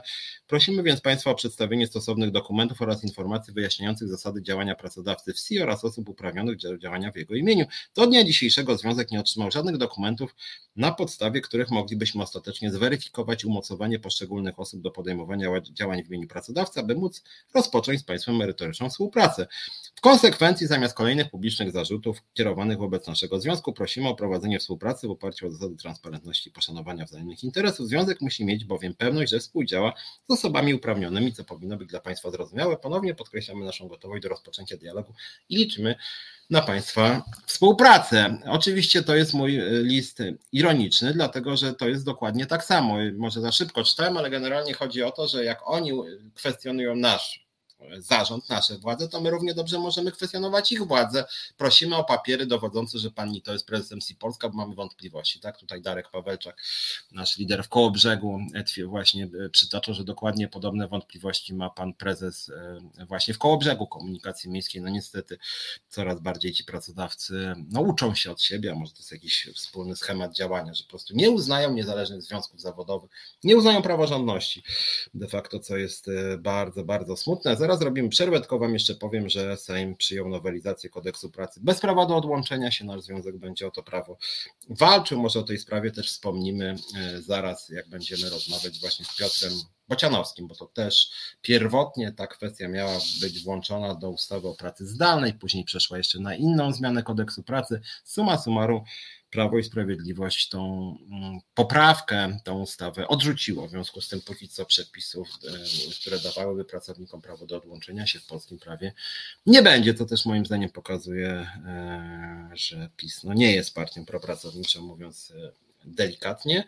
E, no dobra, słuchajcie, jest za 5 szósta, więc proponuję, żebyśmy sobie zrobili teraz krótką przerwę i po tej krótkiej przerwie porozmawiam właśnie z Piotrem Bocianowskim o pracy zdalnej. Ja sam muszę powiedzieć, że się trochę tej ustawie przyglądałem ale wiele rzeczy budzi również moje wątpliwości, więc chętnie tutaj Piotr, myślę, że Was czegoś, tak powiem, nauczy. Ja też się chętnie czegoś dowiem, więc słuchajcie za chwileczkę Piotra Bocianowskiego, a ja Was oczywiście zapraszam też do Związkowej Alternatywy. Jak chcecie, żeby w Polsce były bojowe związki zawodowe, no to zapraszamy, działajmy razem. Dobra, krótka przerwa i zaraz o pracy zdalnej będziemy mówić. Obywateluj razem z nami. Wejdź na stronę resetobywatelski.pl i dołącz do nas wybierając odpowiednią formę wsparcia. No i wracamy. Piotr Szymlewicz, czas na związki. Jak mówiłem, teraz porozmawiamy o pracy zdalnej. Jest już z nami gość Piotr Bocianowski. Cześć Piotrze. Dobry wieczór Państwu. Witaj Piotrze. No, więc teraz ja do Was apeluję, skupcie się trochę, bo tam widzę jakieś dziwne rozmowy się rozpoczęły. Posłuchajcie trochę, bo to są rzeczy dla Was ważne. Jeżeli tutaj wchodzicie zdalnie i oglądacie zdalnie ten program, więc myślę, że część z Was też zdalnie pracuje. E, e, to jest ważna sprawa. Teraz praca zdalna weszła wreszcie do kodeksu pracy. Wcześniej jej nie było, nie było zapisów o pracy zdalnej. E, to są takie rzeczy, które moim zdaniem są bardzo ważne. Mało kto się nimi interesuje. Mało kto również z polityków, którzy te przepisy e, e, przyjmowali. Ja nawet próbowałem jakoś rozmawiać z politykami i generalnie oni traktowali, że to jest jakaś trzeciorzędna ustawa, którą tam ostatecznie trzeba przyjąć, żeby coś weszło. A to są takie rzeczy, które no, dla bardzo wielu osób w Polsce jest ważna i może być ważna w przyszłości, dlatego że później ktoś powie, o rety, zwolnili mnie z pracy z jakiegoś, z jakiegoś artykułu 48, w ogóle nie wiedziałam o istnieniu. No właśnie, a warto może te przepisy znać, żeby właśnie e, się chronić, czy przynajmniej wiedzieć na co uważać i przepisy o pracy zdalnej naprawdę e, wydaje mi się, że są ważne, a to jest taki wymiar naszej pracy, no, który zdaniem ekspertów może narastać, bo rzeczywiście coraz więcej firm przechodzi na pracę The. Zdalną. No dobra, to przejdźmy do tej pracy zdalnej. Jak powiedziałem niedawno, właśnie wreszcie po trzech latach w zasadzie Sejm przyjął. Ja się trochę śmiałem, że cały okres epidemii nie przyjęli. Jak już się epidemia kończy, to wreszcie przyjęli, no ale już pomijmy te złośliwości i przyjrzyjmy się samej ustawie, którą, jak mówię, poparł ostatecznie w zasadzie chyba, o ile pamiętam, cały Sejm. E, więc może sobie powiedzmy e, dzisiaj o tym, co jest w tej ustawie e, najważniejsze i o co w ogóle chodzi. Więc zacznę od takiego bardzo elementarnego pytania, bo intuicyjnie każdy wie o co chodzi chodzi, ale może tutaj intuicja trochę od rzeczywistości odbiegać. No właśnie, co to w ogóle jest praca zdalna e, zgodnie z ustawą, co ona obejmuje, kogo, że tak powiem, kto to jest, kto pracuje zdalnie? E, może zacznę jeszcze od jednej ciekawostki, która się dzisiaj wydarzyła, tak e, przy okazji. Pewnie jak wiesz, Polska została pozwana do Trybunału Sprawiedliwości Unii Europejskiej.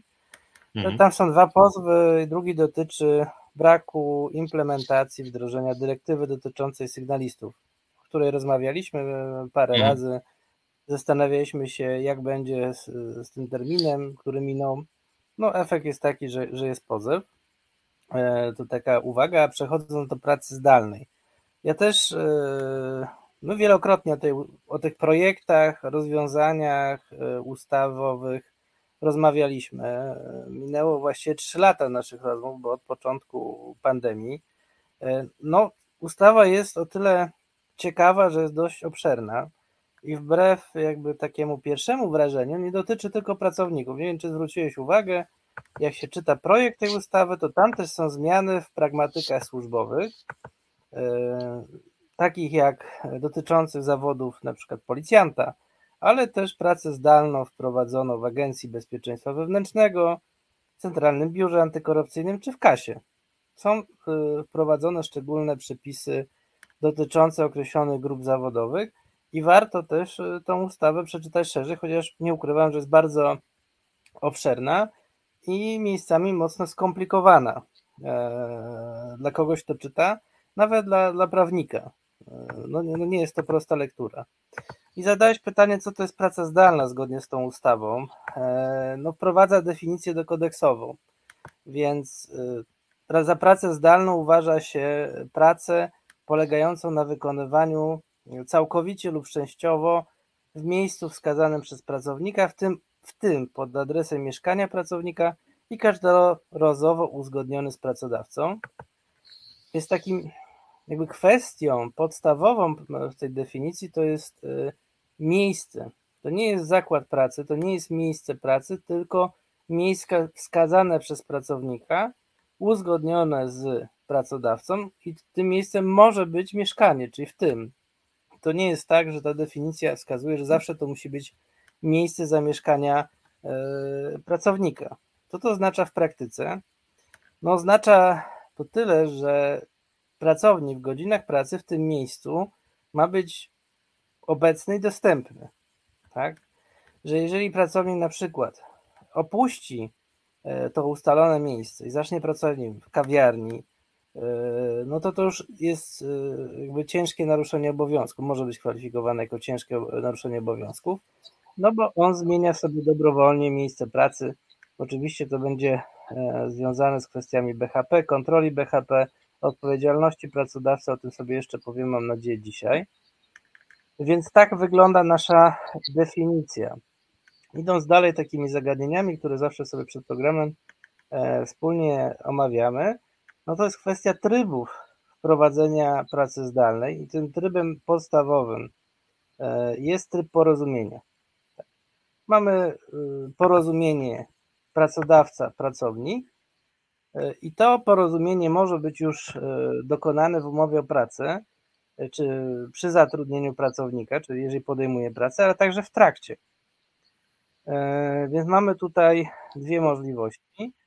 Jednocześnie e, kodeks pracy teraz przewiduje, że to może być e, praca zdalna całkowita, czyli całkowicie poza miejscem, poza zakładem pracy, albo hybrydowa.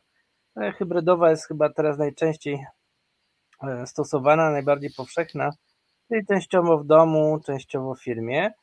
E, co jest jeszcze istotne, to forma. Nie jest już wymagana forma pisemna dotycząca wprowadzenia e, pracy zdalnej, no to oczywiście wynika z ułatwienia, z ułatwienia zmiany takich warunków.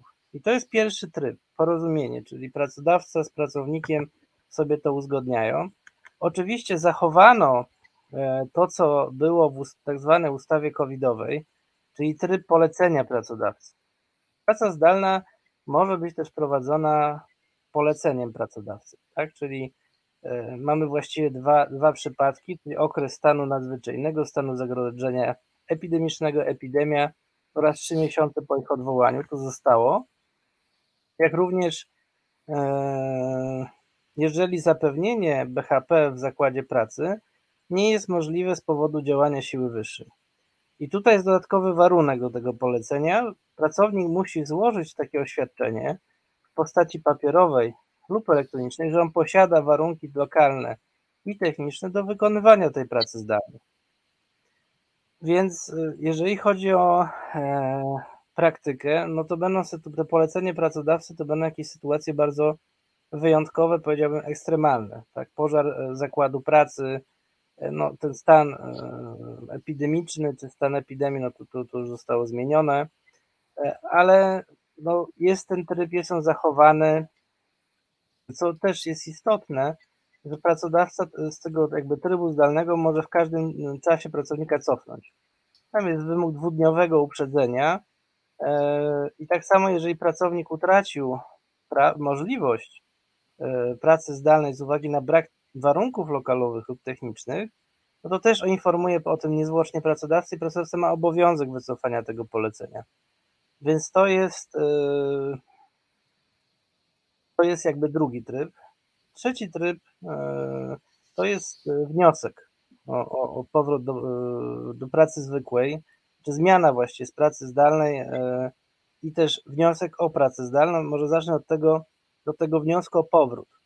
Jak zarówno jakby pracownik, jak pracodawca może wystąpić z wnioskiem, że jednak on chce wrócić do tradycyjnej formy pracy w zakładzie pracy, że mu ta praca zdalna nie pasuje albo pracodawcy, albo pracownikowi i wtedy składa wniosek e, e, i co do zasady strony uzgadniają, kiedy on ma wrócić. To termin e, powrotu nie może być dłuższy niż 30 dni od dnia otrzymania wniosku, a jak nie ma porozumienia, czy pracodawca ma powiedzmy, no nie wyraża zgody, to i tak taki wniosek pracownika jest wiążący i po upływie 30 dni wraca, ma obowiązek pracodawca zatrudnić zatrudnić, no, dopuści pracownika do wykonywania pracy w biurze na przykład, czyli w zakładzie pracy. I jednocześnie ustawa, to też o tym rozmawialiśmy przed programem, e, wprowadza takie przypadki, kiedy pracownik może złożyć e, wniosek o podjęcie pracy zdalnej e, i wtedy pracodawca musi ten wniosek uwzględnić. To dotyczy takich grup pracowników, którzy wykonują, realizują swoje uprawnienia związane z rodzicielstwem, czyli pracownika, rodzica dziecka, który ma orzeczenie o niepełnosprawności. Pracownicy w ciąży, czy też pracownika wychowującego dziecko do czwartego roku życia, jak również pracownika e, sprawującego opiekę nad innym członkiem najbliższej rodziny, e, który posiada orzeczenie o niepełnosprawności albo o znacznym stopniu niepełnosprawności. Pracodawca będzie mógł odmówić takiej pracy zdalnej tylko i wyłącznie, e, gdy nie będzie to możliwe ze względu na rodzaj pracy lub organizację pracy. Rodzaj pracy, czyli na, na tym chodzi o stanowisko, na którym jest zatrudniony pracownik. No, praca otwiera w sklepie no, wyklucza złożenie takiego wniosku, bo z istoty e, jakby rodzaju pracy musi być on obecny w sklepie. Co ważne, o przyczynie odmowy pracodawca będzie musiał poinformować pracownika i uzasadnić tę odmowę. Może zrobić to w formie papierowej, elektronicznej.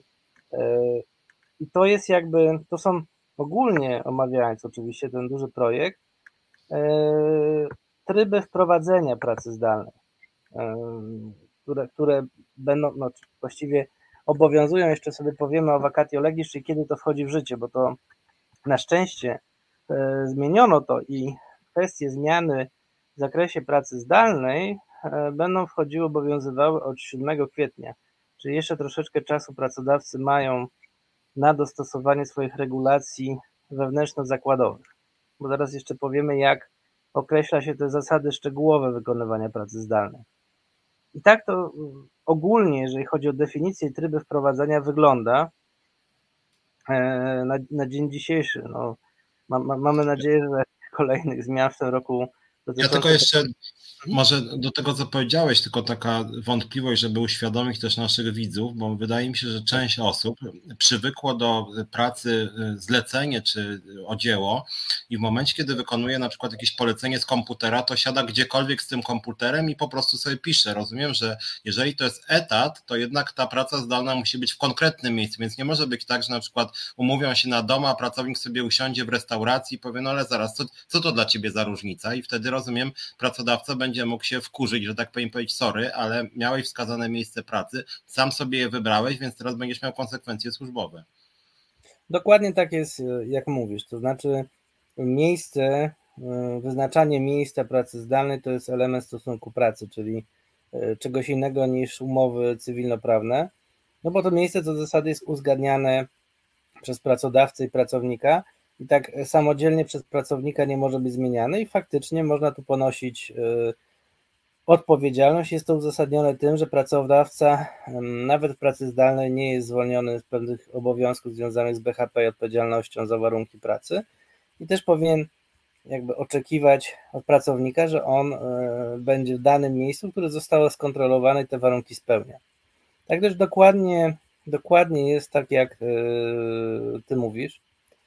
Idąc dalej, oczywiście e, ustawa jest dość obszerna, ale tak upraszczając, gdzie mamy regulować zasady wykonywania pracy zdalnej. no taką podstawą zasady, czyli takie szczegółowe kwestie związane z wprowadzeniem, zasadami, ochroną danych, ochroną informacji. No pierwszym takim dokumentem to jest porozumienie zawierane między pracodawcą i zakładową organizacją związkową lub organizacjami. No jeżeli tutaj nie ma porozumienia, to regulamin jest ustalany przez pracodawcę, a jeżeli nie ma zakładowej organizacji związkowej u pracodawcy, no to ustalenie e, czy wprowadzenie regulaminu następuje po konsultacji z przedstawicielami pracowników. E, brak tych regulacji, czyli jeżeli pracodawca powiedzmy się zagapi, nie nadąży za tymi zmianami, nie wprowadzi tego, będzie również możliwe, gdy nie mamy porozumienia i nie mamy regulaminu. W takim przypadku pracodawca określa zasady wykonywania pracy zdalnej, E, w poleceniu wykonywania pracy zdalnej i to, o czym mówiliśmy, kiedy jest możliwość jego wydania, albo w porozumieniu zawartym e, z pracownikiem. I to są dokumenty szczegółowe, które jakby regulują, regulują e, zasady tej pracy zdalnej w zakładzie pracy. To jeszcze jest istotne i to się chyba mm, pomija w różnych opracowaniach, które z komentarzy do tego projektu, że praca zdalna nie jest dla każdego. I to jest bardzo ciekawy katalog w projekcie wyłączeń. No, to jest oczywiste, nie dotyczy prac szczególnie niebezpiecznych, ale jest coś takiego jak w wyniku których następuje przekroczenie dopuszczalnych norm czynników fizycznych określonych dla pomieszczeń mieszkalnych. Czyli na przykład, jeżeli dany pracownik wykonuje coś w związku z, w związku z czynnikami chemicznymi, no to takiej pracy yy, nie będzie mógł wykonywać w domu. Podobnie, jeżeli praca wiąże się z czynnikami chemicznymi, które zagrażają e, życiu, zdrowiu, to tak samo praca zdalna będzie wykluczona. E, co jest ciekawe, też e, w ustawie, nie wiem czy to zwróciłeś na to uwagę, że praca zdalna nie dotyczy również prac powodujących intensywne brudzenie. Jest taka ciekawostka, w ustawie. No, ja jestem bardzo ciekawy, jak to będzie w praktyce wyglądała taka kwalifikacja e, pracy powodującej intensywne brudzenie, ale no, pomysł, e, nie ukrywam, mnie trochę zaskoczył. I e, no, Mhm, bo tak?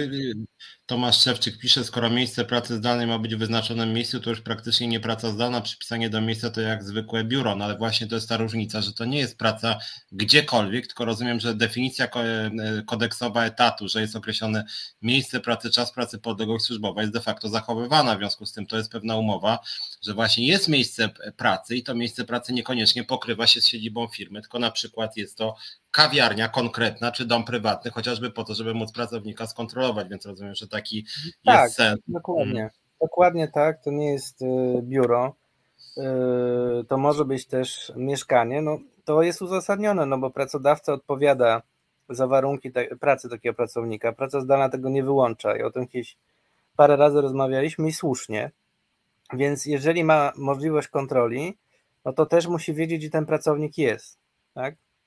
Trzeba też wspomnieć o takim dodatkowym rodzaju, jeszcze powiem o obowiązkach pracodawcy, bo to jest y, mocno ciekawe, ale jeżeli wracając do rodzaju pracy zdalnej, ty też o to pytałeś i słusznie zwróciłeś uwagę, że może być tak zwana praca zdalna okazjonalna. To jest to w wymiarze 24 dni e, w roku kalendarzowym.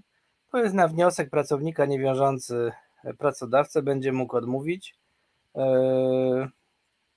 I to chodzi o szczególne przypadki, kiedy e, no, tam jest pewne wyłączenie przepisów dotyczących tej pracy zdalnej stricte, na przykład brak obowiązku zapewnienia materiałów i narzędzi pracy. Chodzi po prostu o pewne regulacje związane na przykład z tym, że pracownik w okresie letnim wyjeżdża poza miejsce zamieszkania i mhm. ustala z pracodawcą, że przez okres wakacyjny będzie pracował, nazwijmy to z działki. Tak? No jak to w praktyce będzie e, wyglądało? Z tego co ja czytam i obserwuję, to raczej e, praca zdalna okazjonalna będzie się bardziej rozwijać, e, praca zdalna hybrydowa, a nie całkowita, bo jednak pracodawcy wymagają coraz częściej już obecności chociaż częściowej w biurze w zakładzie pracy.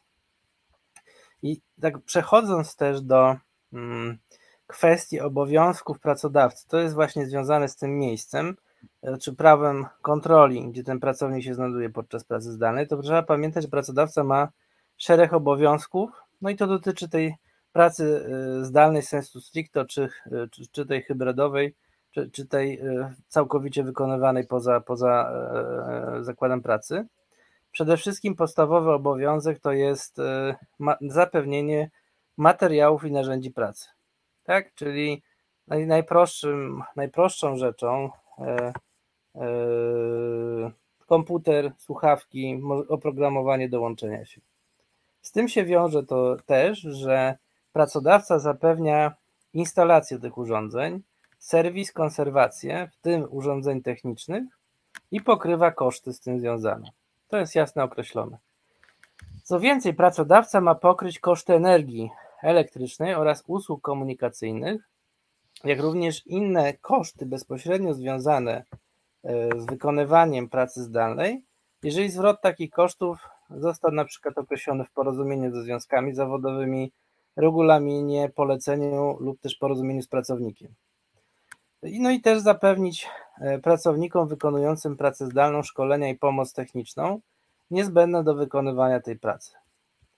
E, co jest istotne, że strony mogą ustalić, że pracownik wykonujący pracę zdalną będzie korzystał ze swoich materiałów, narzędzi pracy. Y, I w takim przypadku pracownikowi wykonującego pracę zdalną ze swoimi urządzeniami y, będzie przysługiwał ekwiwalent pieniężny w wysokości ustalonej z pracodawcą. I tu może się e, też y, pojawić problem, bo no, chciano wyjść naprzeciw pracodawcom i jest kwestia ustalenia tak zwanego ryczałtu miesięcznego. No i tutaj są problemy pracodawców. No jeżeli mamy porozumienie ze związkami albo regulamin pracy zdalnej, to jak my mamy ten ryczałt określić? Bo różne są stanowiska, różne są narzędzia, różny jest zakres obowiązków.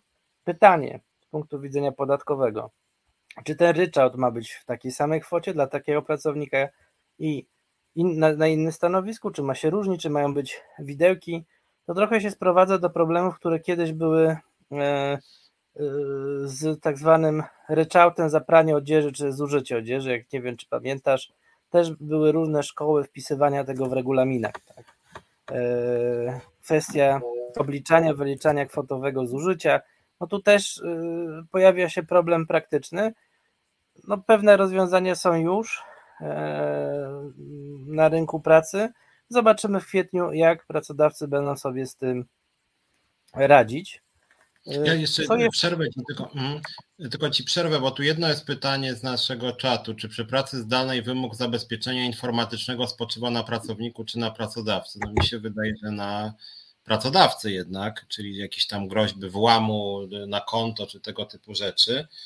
E, a z drugiej strony, ja mam już wcześniej, jak mówiłeś, taką wątpliwość, e, jak to jest z tym urlopem e, na żądanie, tudzież z tym, że nawet te osoby, które wychowują dzieci do lat czterech, jak to będzie, jeżeli nawet na przykład pracodawca będzie miał problem, ponieważ praca zdalna będzie możliwa, ale będzie wymagać od pracodawcy inwestycji. I wtedy on na przykład powie, sorry, ale nie chce mi się wydawać, nie wiem, tysiąca złotych dodatkowo, nie wiem, na kupno komputera. Czy ty wtedy, czy, czy na przykład wtedy taki pracownik pójdzie do sądu, bo to nie jest taka sprawa jak na przykład w sklepie. No w sklepie rzeczywiście trzeba być y, spożywczym, ale na przykład jak mogę pracować zdalnie, ale pracodawca, no nie wiem, ja nie mam komputera, a pracodawca nie chce mi go kupić i później powie, sorry, ale ja cię zwalniam, bo, bo nie nadajesz się do pracy, no to rozumiem, że wtedy jest potencjalnie sprawa sądowa więc ja w takiej sytuacji sąd się przyjrzy, czy pracodawca mógł zapewnić e, pracę zdalną, czy nie, tak? No to jest określenie, znaczy rozstrzygnięcie, czy, czy odmowa pracodawcy była uzasadniona tym e, rodzajem pracy, na przykład o czym mówiliśmy, ten przykład z kasjerem i pewnie ta, będzie to prowadzić też do nieuwzględniania takich wniosków z uwagi na organizację pracy.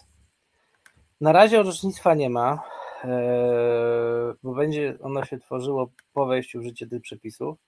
No tylko problem polega na tym, co to jest organizacja pracy. Skoro pracodawca wskaże, że u niego co do zasady na tych stanowiskach to nie ma komputerów przenośnych, tylko są stacjonarne i taka jest organizacja u niego pracy, tak? No wynika to z czasem pracy, po prostu potrzebuje e, komputerów stacjonarnych, są jakieś zmiany, no różne rzeczy z, z, związane z organizacją w rozumieniu prawa pracy, no to będzie pewnie odmawiał i będzie spór, tak? Jakieś roszczenia pracownika, dopuszczenie do pracy zdalnej, kwestia nieobecności pracownika w pracy, pracy który nie przyjdzie, tak? No może doprowadzić to do zwolnienia dyscyplinarnego z powodu braku obecności. Pracownik pewnie najczęściej będzie się odwoływał e, do e, sądu pracy i sądy będą rozstrzygały, e, co, jak należy rozumieć kwestię organizacji pracy rodzaju pracy przy tych, przy tych regulacjach. Mhm. Jeszcze dodam, bo to jest istotne z tym ochroną danych osobowych, ochroną informacji, bo skoro pracodawca, taka zasada, zapewnia sprzęt, wsparcie techniczne, to w tym się też mieści oprogramowanie, tak? Pracownik oczywiście ma regulacje wewnętrzne, mówiące o wymogach związanych z hasłem, zapisywaniem plików, przenoszeniem danych, wysyłaniem i tak. Musi tego przestrzegać i to z reguły będzie w regulaminach pracy zdalnej lub w regulacjach wewnętrznych, czy tak zwanych regulaminach e, ochrony bezpieczeństwa informacji. I też trzeba pamiętać, że e, wprost w kodeksie zapisano prawo kontroli E, pracownika na pracy zdalnej. Ta kontrola jest określana w regulaminie, poleceniu pracy zdalnej, czy też porozumieniu, czy też porozumieniu ze związkami. I ta, ta kontrola dotyczy między innymi bezpieczeństwa i ochrony informacji, w tym procedury ochrony danych osobowych, jak również BHP, czyli pracodawca w tym miejscu pracy zdalnej będzie miał prawo E, kontrolować pracownika również w mieszkaniu czy domu pracownika. I tutaj e, tak naprawdę to te zasady kontroli, no to będzie powtórzenie w tych regulacjach najczęściej tego, co będzie w kodeksie, czyli po pierwsze, pierwsza zasada kontrolę przeprowadza się w porozumieniu z pracownikiem w miejscu wykonywania pracy zdalnej w godzinach pracy pracownika. E, no, pracodawca ma dostosować sposób przeprowadzania kontroli do miejsca wykonywania pracy zdalnej rodzaju. E, to jest o tyle ciekawe, że no na pewno to nie może godzić w prywatność innych e, domowników.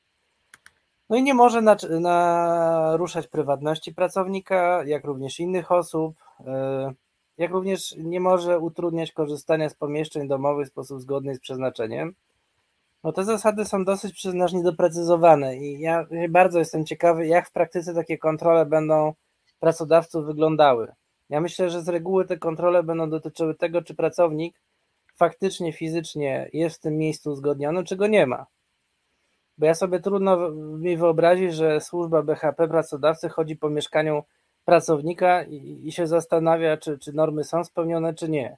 Poprzestano na oświadczeniu pracownika, że on warunki ma spełnione i tylko jeżeli, że tak powiem, będą wątpliwości co do tego, czy on jest w tym miejscu uzgodnionym, czy nie,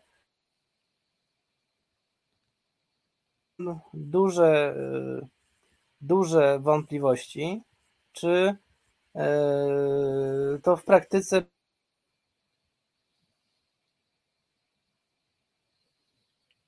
Halo? Coś się na chwilę urwało. Halo, halo. Coś cię Piotrze ścięło, to spróbuj może zresetować e, raz i zaraz znowu przyjdziesz. Hmm. Apeluję też do forum, może korzystając z okazji, żeby drogie forum, słuchajcie tej dyskusji, bo widzę, że tam zaczęliście rozmawiać na jakiś zewnętrzny temat, to, to są poważne sprawy, które mogą Was E, dotyczyć w waszym miejscu pracy. E, tu Tomasz Szewczyk, czy miejsca uzgodnione. No właśnie o tym mówiliśmy, że miejsce musi być pracy uzgodnione. Czy Piotrze już słyszysz mnie, czy ciebie teraz e, pytam realizatora też, czy Piotr jest. Jesteś Piotrze? O, na chwilę Piotra wyrzuciło, to może zaraz znowu wróci, bo przez ostatnią tam minutę były jakieś, jakieś przerwy, więc myślę, że za chwileczkę za chwileczkę wrócimy, bo jeszcze chciałem też e, zadać ze dwa, trzy pytania. Natomiast, tak jak mówiłem, do Was Wy tu jakąś, ja już nawet nie wiedziałem, coś rozmawialiście, jakimś piwie bezalkoholowym alkoholu, więc sugerowałbym do alkoholu może jeszcze porozmawiamy w kontekście pracy zdalnej, bo to też jest ważne, że między innymi wszedł przepis, który e, pozwala na to, żeby kontrolować pracownika, jego trzeźwość i też tutaj weszły przepisy. O, jest Piotr. Jestem z powrotem, niestety łączę się z domu jak się łączy z domu przy najciekawszych tematach, czy trzeźwość pracownika lub inne rzeczy. No właśnie, więc ja, ja, więc, więc ja już Ci oddaję głos, tylko od razu dorzucę wątek, który mnie e, trochę e, męczył, znaczy wydaje mi się ciekawy i ważny i może być wiele spraw sądowych przez to. E, bo też się nad tym zastanawiałem, nawet medialnie gdzieś się wypowiadałem, mianowicie, że są niby te przywileje związane z tym, że osoby zajmujące się e, dziećmi mogą żądać właśnie pracy zdalnej. No i właśnie tak sobie pomyślałem, że osoba, która zajmuje się dzieckiem, no to jest przecież ciężka praca, czy, osobą niepełnosprawną, osobą niedołężną. I na przykład w momencie, kiedy dziecko się zacznie krzyczeć, czy będzie trzeba je przewinąć, czy będzie wymagało jakiejś uwagi, i w tym właśnie momencie, w tym czasie pracodawca powie: Drogi pracowniku, jesteś w ramach umowy na etat, musisz teraz mi coś coś zrobić. Musisz wykonać w tym momencie telefon, a pracownik powie sorry, ale teraz nie mam czasu, bo mi dziecko krzyczy. I tu też sobie myślę, że mogą być sprawy sądowe precedensowe, kiedy na przykład pracownik nie wiem, odejdzie na pół godziny e, od komputera, bo coś się z dzieckiem będzie działo, ale to albo tą osobą, którą się opiekuje. I też tutaj te przepisy moim zdaniem są trochę ryzykowne, no bo generalnie osoby, które siedzą z dziećmi, no to też jest praca, jak mówię. I teraz właśnie z drugiej strony pracownik podlega pracodawcy. Czy tutaj nie może być też e, rzeczywiście sporów. I druga sprawa z tym związana odnośnie tych kontroli, no, że jeżeli właśnie pracownik, no na przykład zdaniem pracodawcy zachowuje się dziwnie, i pracodawca powie, wiesz co, no to ja chyba tu zaraz do ciebie przyjadę, bo coś tu mi się nie podobasz, bratku, a pracownik powie, nie, nie, nie, nie przyjeżdżaj, bo tu jest moja, nie wiem, żona w intymnej sytuacji obok, albo nie wiem, albo tu coś się dzieje i nie chciałbym, żebyś tego zobaczył. Więc jakby tu widzę, ja wyrażam to bardziej jako takie wątpliwości, ale myślę, że no mogą być później, zresztą wprowadzając temat, zaraz Ci oddam głos właśnie też alkoholu, to też tak zacząłem się zastanawiać, jak taka kontrola ma wyglądać, że pracodawca myśli, hmm, coś mi brzmisz tutaj na podpitego, wiesz co, za 15 minut przyjedzie do Ciebie mój człowiek, który Cię sprawdzi, a pracownik nie, nie życzę sobie tego. No i co w takich sytuacjach? To są bardzo ciekawe problemy i to można mnożyć. No, problem z tymi przepisami polega na tym, że trochę chcę po, pogodzić dwie prace. Bo ja mam, ty masz rację, opieka nad dziećmi to jest praca. Y, jeżeli mamy pogodzić opiekę nad dzieckiem z pracą zdalną, no to czasami to będzie wykonalne i będzie powodować odwrotny skutek, to znaczy pracownik będzie wolał brać na przykład zwolnienie na opiekę, niż w tej pracy, tą pracę zdalną wykonywać, jeżeli ma dziecko w domu, na przykład chore. Woli, woli nie pracować, bo wie, że to jest nie do pogodzenia, będzie się narażał na odpowiedzialność z tytułu nienależytego wykonywania obowiązków. No to jest jeden e, jakby aspekt. Inny to kwestia kontroli. Nie wiem, czy, czy, pamiętasz, były takie przepisy, że pracodawca miał o uprawnienie do kontroli zwolnień lekarskich pracownika. Mhm. Jeździły tak zwane trójki od pracodawcy i sprawdzali na przykład, czy pracownik, który ma zwolnienie lekarskie leżące, to on leży, czy jest w tym zakładzie, zapraszam, e, w mieszkaniu, w miejscu zamieszkania, czy też nie. I z reguły to wyglądało tak, że dzwonili i nikt nie otwierał, no sporządzali, jest brak możliwości kontroli. No pewnie będzie problem, że taki pracownik e, e, będzie na przykład odmawiał. No, no jeżeli odmówi, no to będzie to zaprotokołowane i, i jakoś później rozliczone przez pracodawcę rzeczywiście orzecznictwo będzie tutaj bardzo ciekawe i kazuistyczne, bo przepisy są kazuistyczne, są bardzo rozbudowane. W stosunku do tego, co było przez 3 lata, czyli tego artykułu 3, tak, 3 jeżeli dobrze pamiętam, ustawy covidowej, e, to teraz mamy szereg regulacji na całą ustawę. Więc tutaj rzeczywiście będzie duże pole do popisu. E, idąc jakby dalej, e, no bo to teraz myślę, że mamy jeszcze dosłownie parę minut, kwestia badania trzeźwości to też jest zmiana, która już obowiązuje. Wprowadzono obowiązek niedopuszczania przez pracodawcę osób nietrzeźwych lub będących pod wpływem narkotyków do pracy. Wprost wyrażono taki obowiązek. Pracodawca nie może dopuścić takiego pracownika do pracy. Jeżeli dopuszcza na przykład, no to narusza, na, na, zarzuca się, narusza podstawowy obowiązek i może to być na przykład wzięte pod uwagę, jeżeli się jakiś wypadek w pracy e, wydarzy w związku z dopuszczeniem takiego pracownika. Ktoś inny ucierpi z pracownika. I tutaj e, nietrzeźwość pracownika, i to się zastosuje do e, spożywania narkotyków, to będą dwa tryby. Jeden to jest w razie uzasadnionego podejrzenia, podkreślam podejrzenia, że pracownik stawił się właśnie pod wpływem alkoholu albo pił alkohol w pracy, nie wiem, dziwne zachowania, bełkotliwa mowa, zataczanie się, to będzie mogło być przeprowadzone badanie na, przez policję wezwaną przez pracodawcę przełożonego. Tak? W przypadku drugi tryb to jest tak zwane, ja to nazywam badanie przesiewowe, czyli na zasadach określonych w przepisach wewnątrz zakładowych określone kategorie pracowników będą mogli być wyrywkowo sprawdzani, nawet jak nie ma żadnych oznak, że są pod wpływem narkotyków czy alkoholu. Czyli i to będzie robił e, pracodawca sam, czyli może być to wyznaczone jak jakiś pracownik przeszkolony do obsługi alkomatu. Oczywiście, jeżeli e, jest jakaś wątpliwość czy spór co do tego spożycia, no to będzie, będzie wzywana policja. Jeżeli, co, co ważne przy tych badaniach przesiewowych, obejmuje to pracowników zatrudnionych na takich stanowiskach, która praca stwarza zagrożenie dla życia i zdrowia pracowników, innych osób, mienia, tak? Czyli na przykład, no nie wiem, e, lekarz, tak? To, to, to, to by się kwalifikowało. Albo operator jakiejś maszyny, dźwigu, albo kierowca, no to tutaj nie będzie pełnej dowolności tej, tego badania przesiewowego yy, pracodawcy. Oczywiście pracodawca, jeżeli widzi oznaki, yy, to też będzie ten tryb yy, zastosować, tylko z tym zastrzeżeniem, że później yy, może być wezwana policja celem weryfikacji. I co jest istotne, że na żądanie pracodawcy lub pracownika ta policja może być wezwana. Mówi ona, żeby potwierdziła, czy ten alkomat pracodawcy jest, działa prawidłowo. Tak? Y, I te zasady, czy y, kontroli, jak również grupy pracowników, które będą objęci tym, na przykład tą, nazwijmy to przesiewową kontrolą, no będzie w regulaminie pracy lub obwieszczeniu. I tutaj najciekawsze pytanie, bo tu się nawet chyba pani minister wypowiadała, gdzieś to czytałem, a co z pracą zdalną? Tak? E, no tutaj odpowiedź była taka, że nie wydaje się możliwe, by pracownicy wykonujący pracę zdalną spełniali przez płanki objęcia kontrolą trzeźwości lub kontrolą na obecność środków działających podobnie do alkoholu. Kontrole takie można przeprowadzić, gdy są niezbędne do zapewnienia ochrony życia i zdrowia pracowników lub innych osób lub ochrony mienia. No i gdy taki pracownik zdalny, tak to rozumiem, będzie jednak zatrudniony na stanowisku w tych kategorii, o których mówimy, czyli to związanych z ewentualnym zagrożeniem, i on będzie pracował, to rzeczywiście teoretycznie pracodawca może przyjechać z alkomatem do jego domu, tylko musiałby wykazać, że to jest yy, związane z tą kategorią.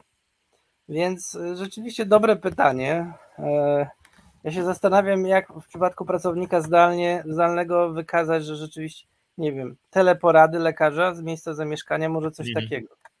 Aczkolwiek e, no nie chcę się znęcać nad zawodem lekarza, który jest oczywiście wspaniałym zawodem, ale tak mi trudno teraz rzucić jakimiś innymi przykładami pracowników zdalnych. No nie wiem.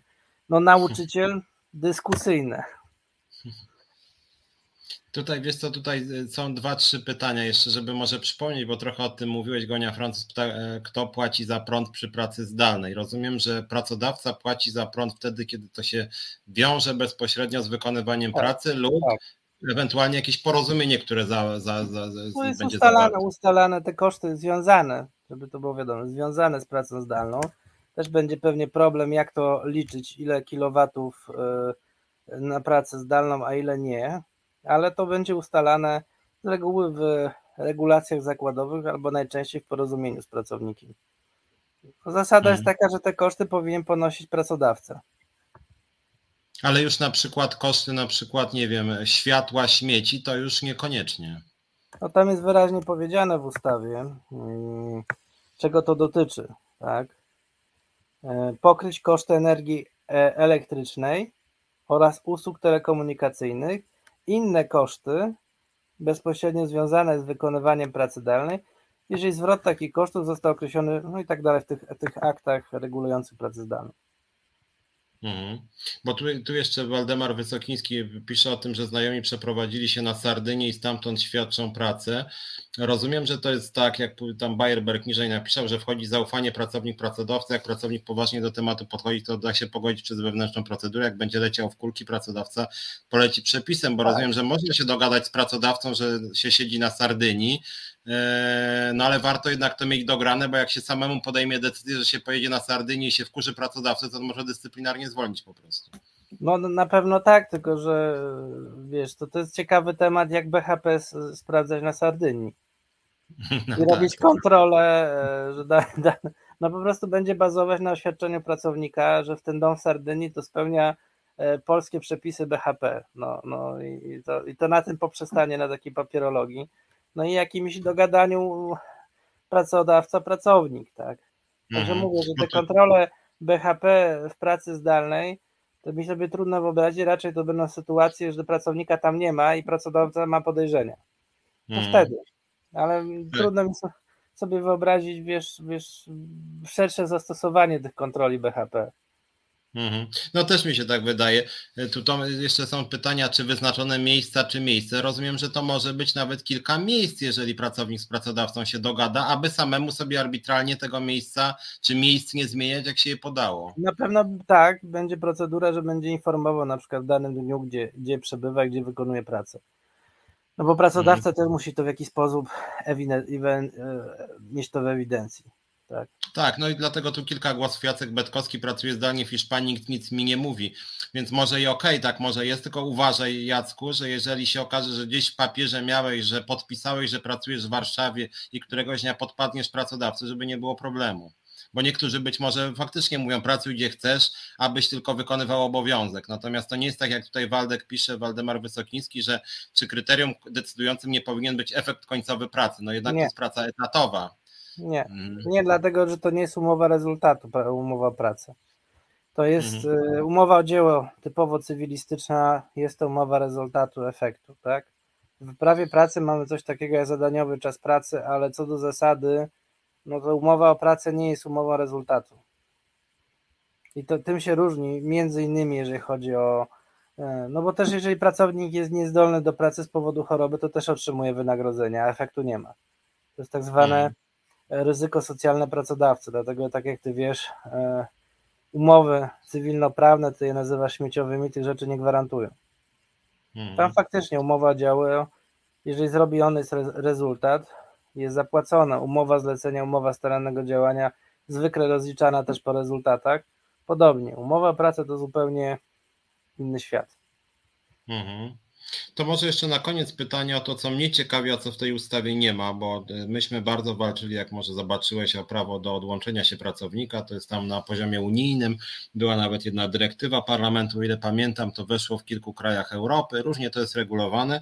No w Polsce generalnie nie ma. Wiem, że w ogóle e, ta, to prawo do bycia offline, tak zwane, nie weszło do ustawy o, o pracy zdalnej w ogóle. Tam Solidarność OPZ mówiła, że nawet chcieli, ale im nie wyszło.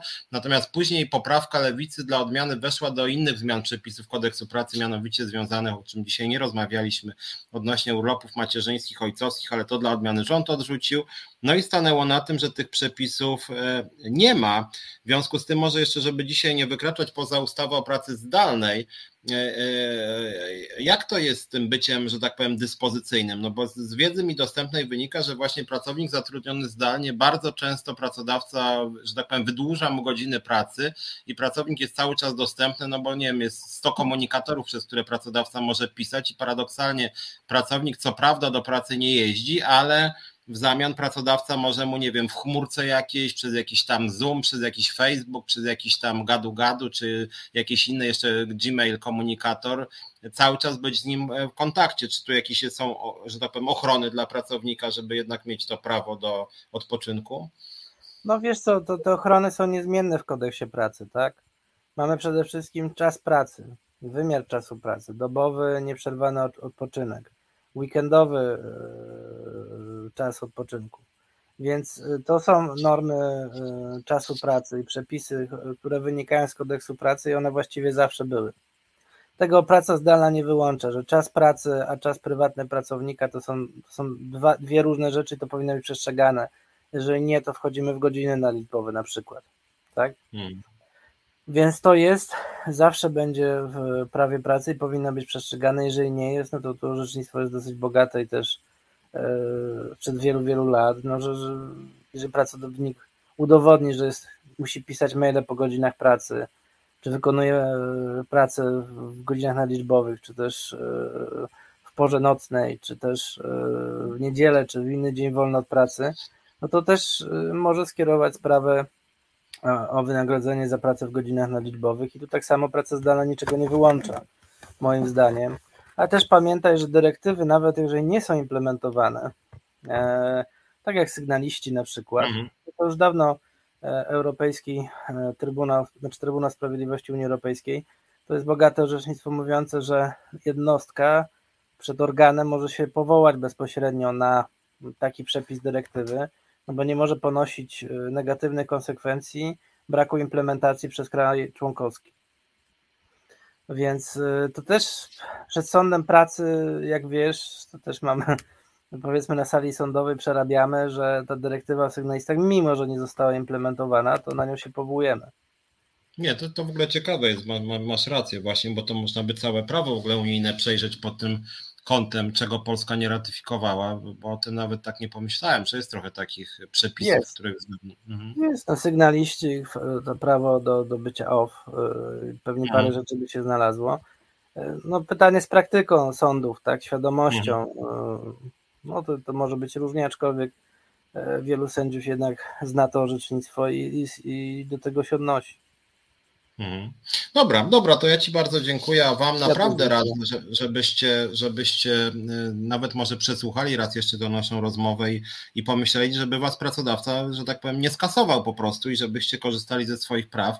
No bo różnie bywa, wy powiecie na luzaku, że, że, że w sumie to tam, nie wiem, gdzieś od kolegi czy koleżanki będziecie nadawać, a pracodawca powie sorry, ale już pan tu nie pracuje.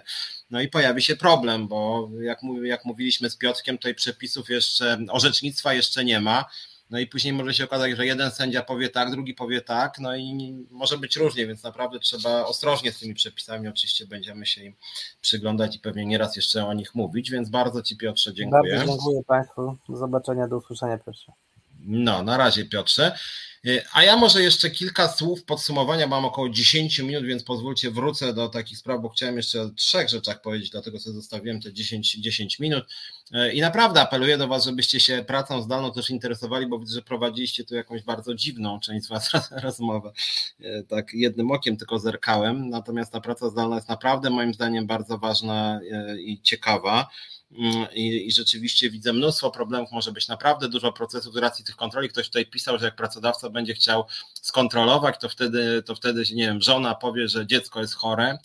No to nie jest takie proste, to są takie, takie kombinowanie, które później mogą Was narazić na poważne problemy, więc radziłbym naprawdę ostrożnie do tego podchodzić i, i rzeczywiście nawet nie tyle czytać przepisy, bo one są trudne, ale nawet właśnie słuchać takich prawników jak Piotr Bocianowski. Postaram się jeszcze tą sprawę poruszyć. Tak na marginesie, jako lider Związkowej Alternatywy polecam Wam, jakbyście mieli jakąś potrzebę, e, to po pierwsze zapraszam do Związkowej Alternatywy, a po drugie, jakbyście chcieli później w ramach naszego związku, żebyśmy robili jakieś szkolenia, wykłady, spotkania, to nawet jestem w stanie Wam załatwić też spotkanie z Inspekcją Pracy, z którą się ostatnio zresztą widziałem w kontekście e, sprawy w Zakładzie Ubezpieczeń e, Społecznych, tak na marginesie. Natomiast chciałem powiedzieć jeszcze o dwóch, trzech sprawach, Pierwszą to już Piotr tutaj trochę, mm, trochę e, rozwiał może pewne lęki, no ale mimo wszystko jednak to prawo do odłączenia się nie weszło do Polskiego Kodeksu Pracy.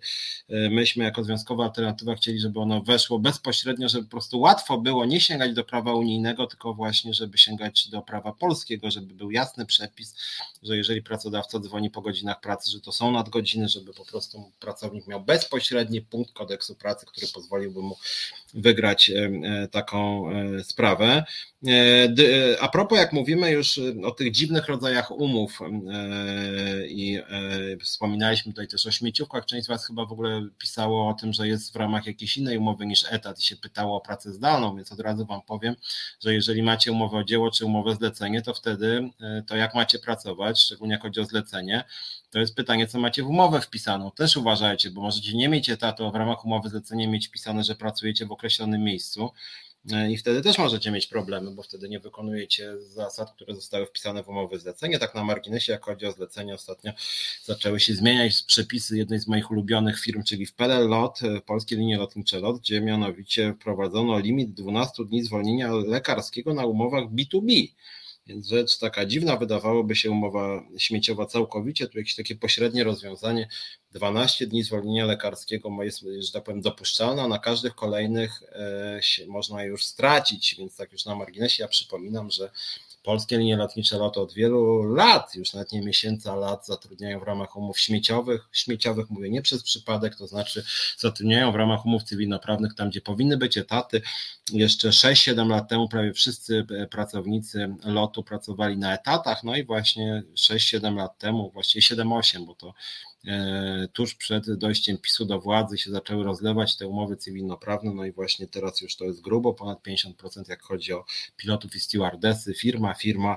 Naszym zdaniem to jest łamanie kodeksu pracy, e, więc warto o tym pamiętać. Sprawa, o której wspominałem chwilę w swoim piśmie do premiera, inflacja dzisiaj podane dane GUS-u 17,2 przy wzroście płac budżetówce 7,8, czyli Fatalnie to wygląda, jak chodzi o sytuację pracowników budżetowych, szybki spadek płac e, realnych w budżetówce, więc ja jeszcze raz apeluję do to pana premiera, do rządu, żeby jednak o tą budżetówkę mm, się rząd postarał.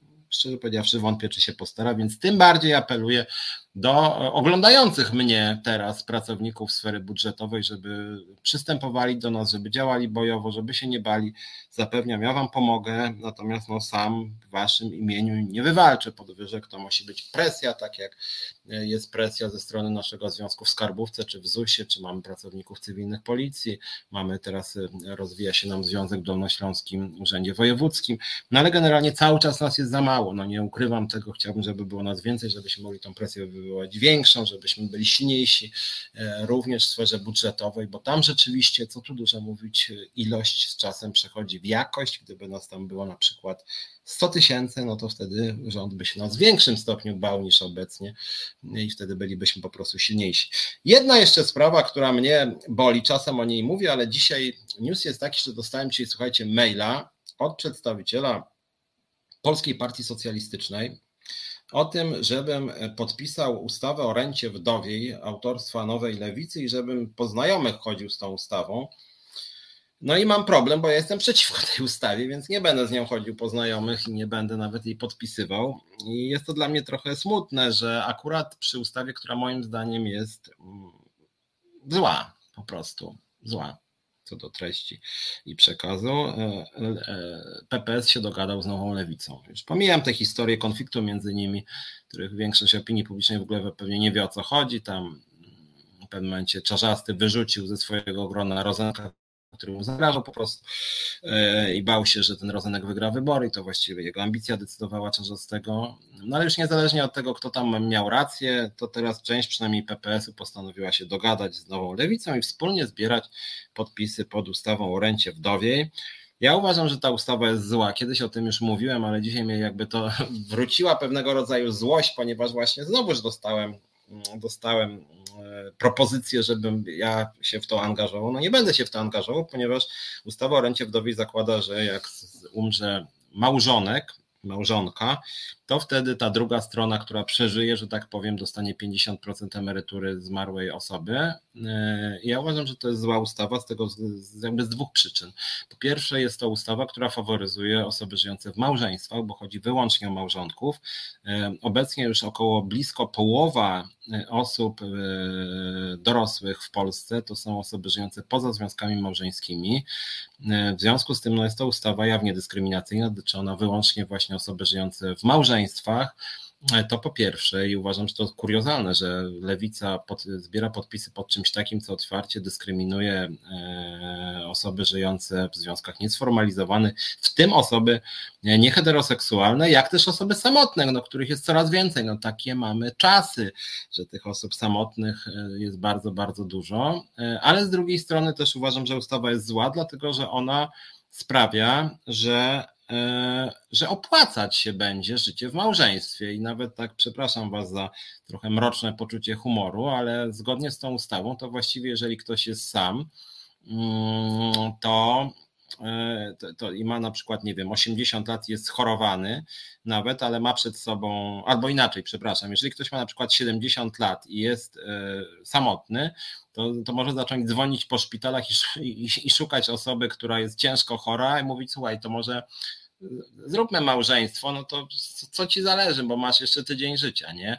E, czy z drugiej strony związki, które są przemocowe, w których na przykład, no nie wiem, ktoś jest dyskryminowany, niekochany, krzywdzony, ale z drugiej strony małżonkowie są ze sobą, dlatego że dana osoba wie, że jeżeli się rozwiedzie, to po prostu nie będzie miała z czego żyć i, e, i, i po prostu sobie nie poradzi. Tak? W związku z tym to jest, pamiętacie, kiedyś miałem taki tutaj program w resecie o mm, familizacji i defamilizacji. Tak? No już niezależnie od tego, czy Wam się podobają te terminy, chodzi o to, że polityka socjaldemokratyczna zawsze opierała się na defamilizacji, czyli takim rozwiązaniu, rozwiązaniom, zgodnie z którymi e, państwo e, dąży do tego, aby każdy mógł zaspokoić swoje podstawowe potrzeby niezależnie od sytuacji rodzinnej, niezależnie od sytuacji rodzinnej. Natomiast ta ustawa lewicy sprawia, że właśnie opłaca się być w małżeństwie, czyli, czyli w momencie, kiedy ktoś jest, nie wiem, w sędziwym wieku, no to myśli sobie, nie, nie mogę się rozwieść, no bo generalnie opłaca mi się być w małżeństwie, e, nawet jeżeli mi jest źle, no to albo czeka mnie e, biedna starość, albo już jakoś wytrzymam i ta druga osoba umrze i będzie mieć wreszcie godne świadczenie. No to jest cyniczne, ale niestety państwo, niestety, przepraszam, to nie państwo, tylko lewica właśnie sprzyja tego typu sytuacjom. I ja uważam, że to jest smutne strasznie, że lewica broni rozwiązania, które jest naprawdę godne jakiegoś, nie wiem, Ligi Polskich Rodzin albo, mm, albo po prostu Prawa i Sprawiedliwości Solidarnej Polski, że w ogóle wybrali sobie same małżeństwa, wprowadzają rozwiązania, które sprawiają, że opłaca się być w małżeństwie, a nie opłaca się rozwodzić, niezależnie od tego, czy ludzie są szczęśliwi ze sobą, czy nie. No strasznie to smutne. Ja jestem negatywnie zszokowany, nie wiem kto im doradza, ale to jest jakiś mało chyba mądry człowiek, albo mało lewicowy po prostu, więc yy, no więc po prostu jest to moim zdaniem złe, złe rozwiązanie, więc ja nie podpisuję tej ustawy. Uważam, że znacznie lepsze rozwiązania to są rozwiązania uniwersalne, powszechne, to jest wyższa jakość usług publicznych, to jest opieka senioralna, to są wyższe emerytury po prostu, e, to jest, e, to jest po prostu aktywna starość, e, aktywne bycie seniorem, to jest całościowe wsparcie, to jest możliwość działania w organizacjach pozarządowych dla seniorów, to jest znacznie lepsza opieka zdrowotna po prostu, ochrona zdrowia, tak? Czyli to, co, to, co jest w krajach skandynawskich, gdzie rzeczywiście jest taki nacisk na to, żeby była właśnie ta aktywna starość, żeby ludzie byli socjalizowani, żeby wspólnie działali, mieli możliwości działania, żeby państwo też tą działalność też obywatelską stymulowało i rzeczywiście tam są ludzie znacznie szczęśliwsi, znacznie dłużej żyją, nie jest się rzeczywiście skazanym na łaskę czy niełaskę właśnie małżonka, tak? E, no, więc to tak, Anna Kurczuk, ten projekt ustawy ma wspomóc jedynie osoby pozostające w związku małżeńskim, pomimo osoby samotne żyjące w niesformalizowanych związkach. Dokładnie tak jest. Bayerberg im szybciej lewica weźmie witaminy, zmieni zarząd, tym szybciej odczepią się od spódnicy miłościwie nam panujących, też tak uważam. Mm, ludzi w związkach nieformalnych będzie coraz więcej. Fakt Tomasz Szewczyk też tak uważam, trendy pokazują, że ich po prostu jest coraz więcej. Maria Mrozek też jestem zbulwersowana. No dobra, ale się nie bulwersujmy, próbujmy myśleć konstruktywnie, więc ja niezmiennie mówię, stymulujmy usługi publiczne. Usługi publiczne są absolutnym fundamentem tak wobec seniorów, jak i wobec dzieci, czyli mówiłem nieraz w tym programie, na przykład nieodpłatne posiłki w szkołach wysokiej jakości dla wszystkich dzieci to są rzeczy znacznie ważniejsze niż program na przykład Rodzina 500 i podobnie podobnie zamiast 13, 14, 16 emerytur po prostu godna, waloryzowana emerytura, ale też ochrona zdrowia, opieka senioralna, całościowe wsparcie dla ludzi starszych, żeby po prostu e, przez całe życie, również mając lat 80, 90 i 100 dobrze się czuli w społeczeństwie. Dobra, musimy kończyć, jest 18.56, słuchajcie, więc serdecznie Was pozdrawiam, przyglądajcie się temu CPK-owi, czytajcie tę ustawę o pracy zdalnej i naprawdę zwracajcie uwagę na te wydawałoby się drobiazgi, bo one mogą dużo znaczyć w Waszej przyszłej i obecnej karierze zawodowej. Serdecznie Was e, pozdrawiam. Widzimy się w piątek z Krzyżaniakiem, a ja Was zapraszam też na środę za tydzień. Pewnie pogadamy już wreszcie o skarbówce, co tam się dzieje. No, na razie. Trzymajcie się.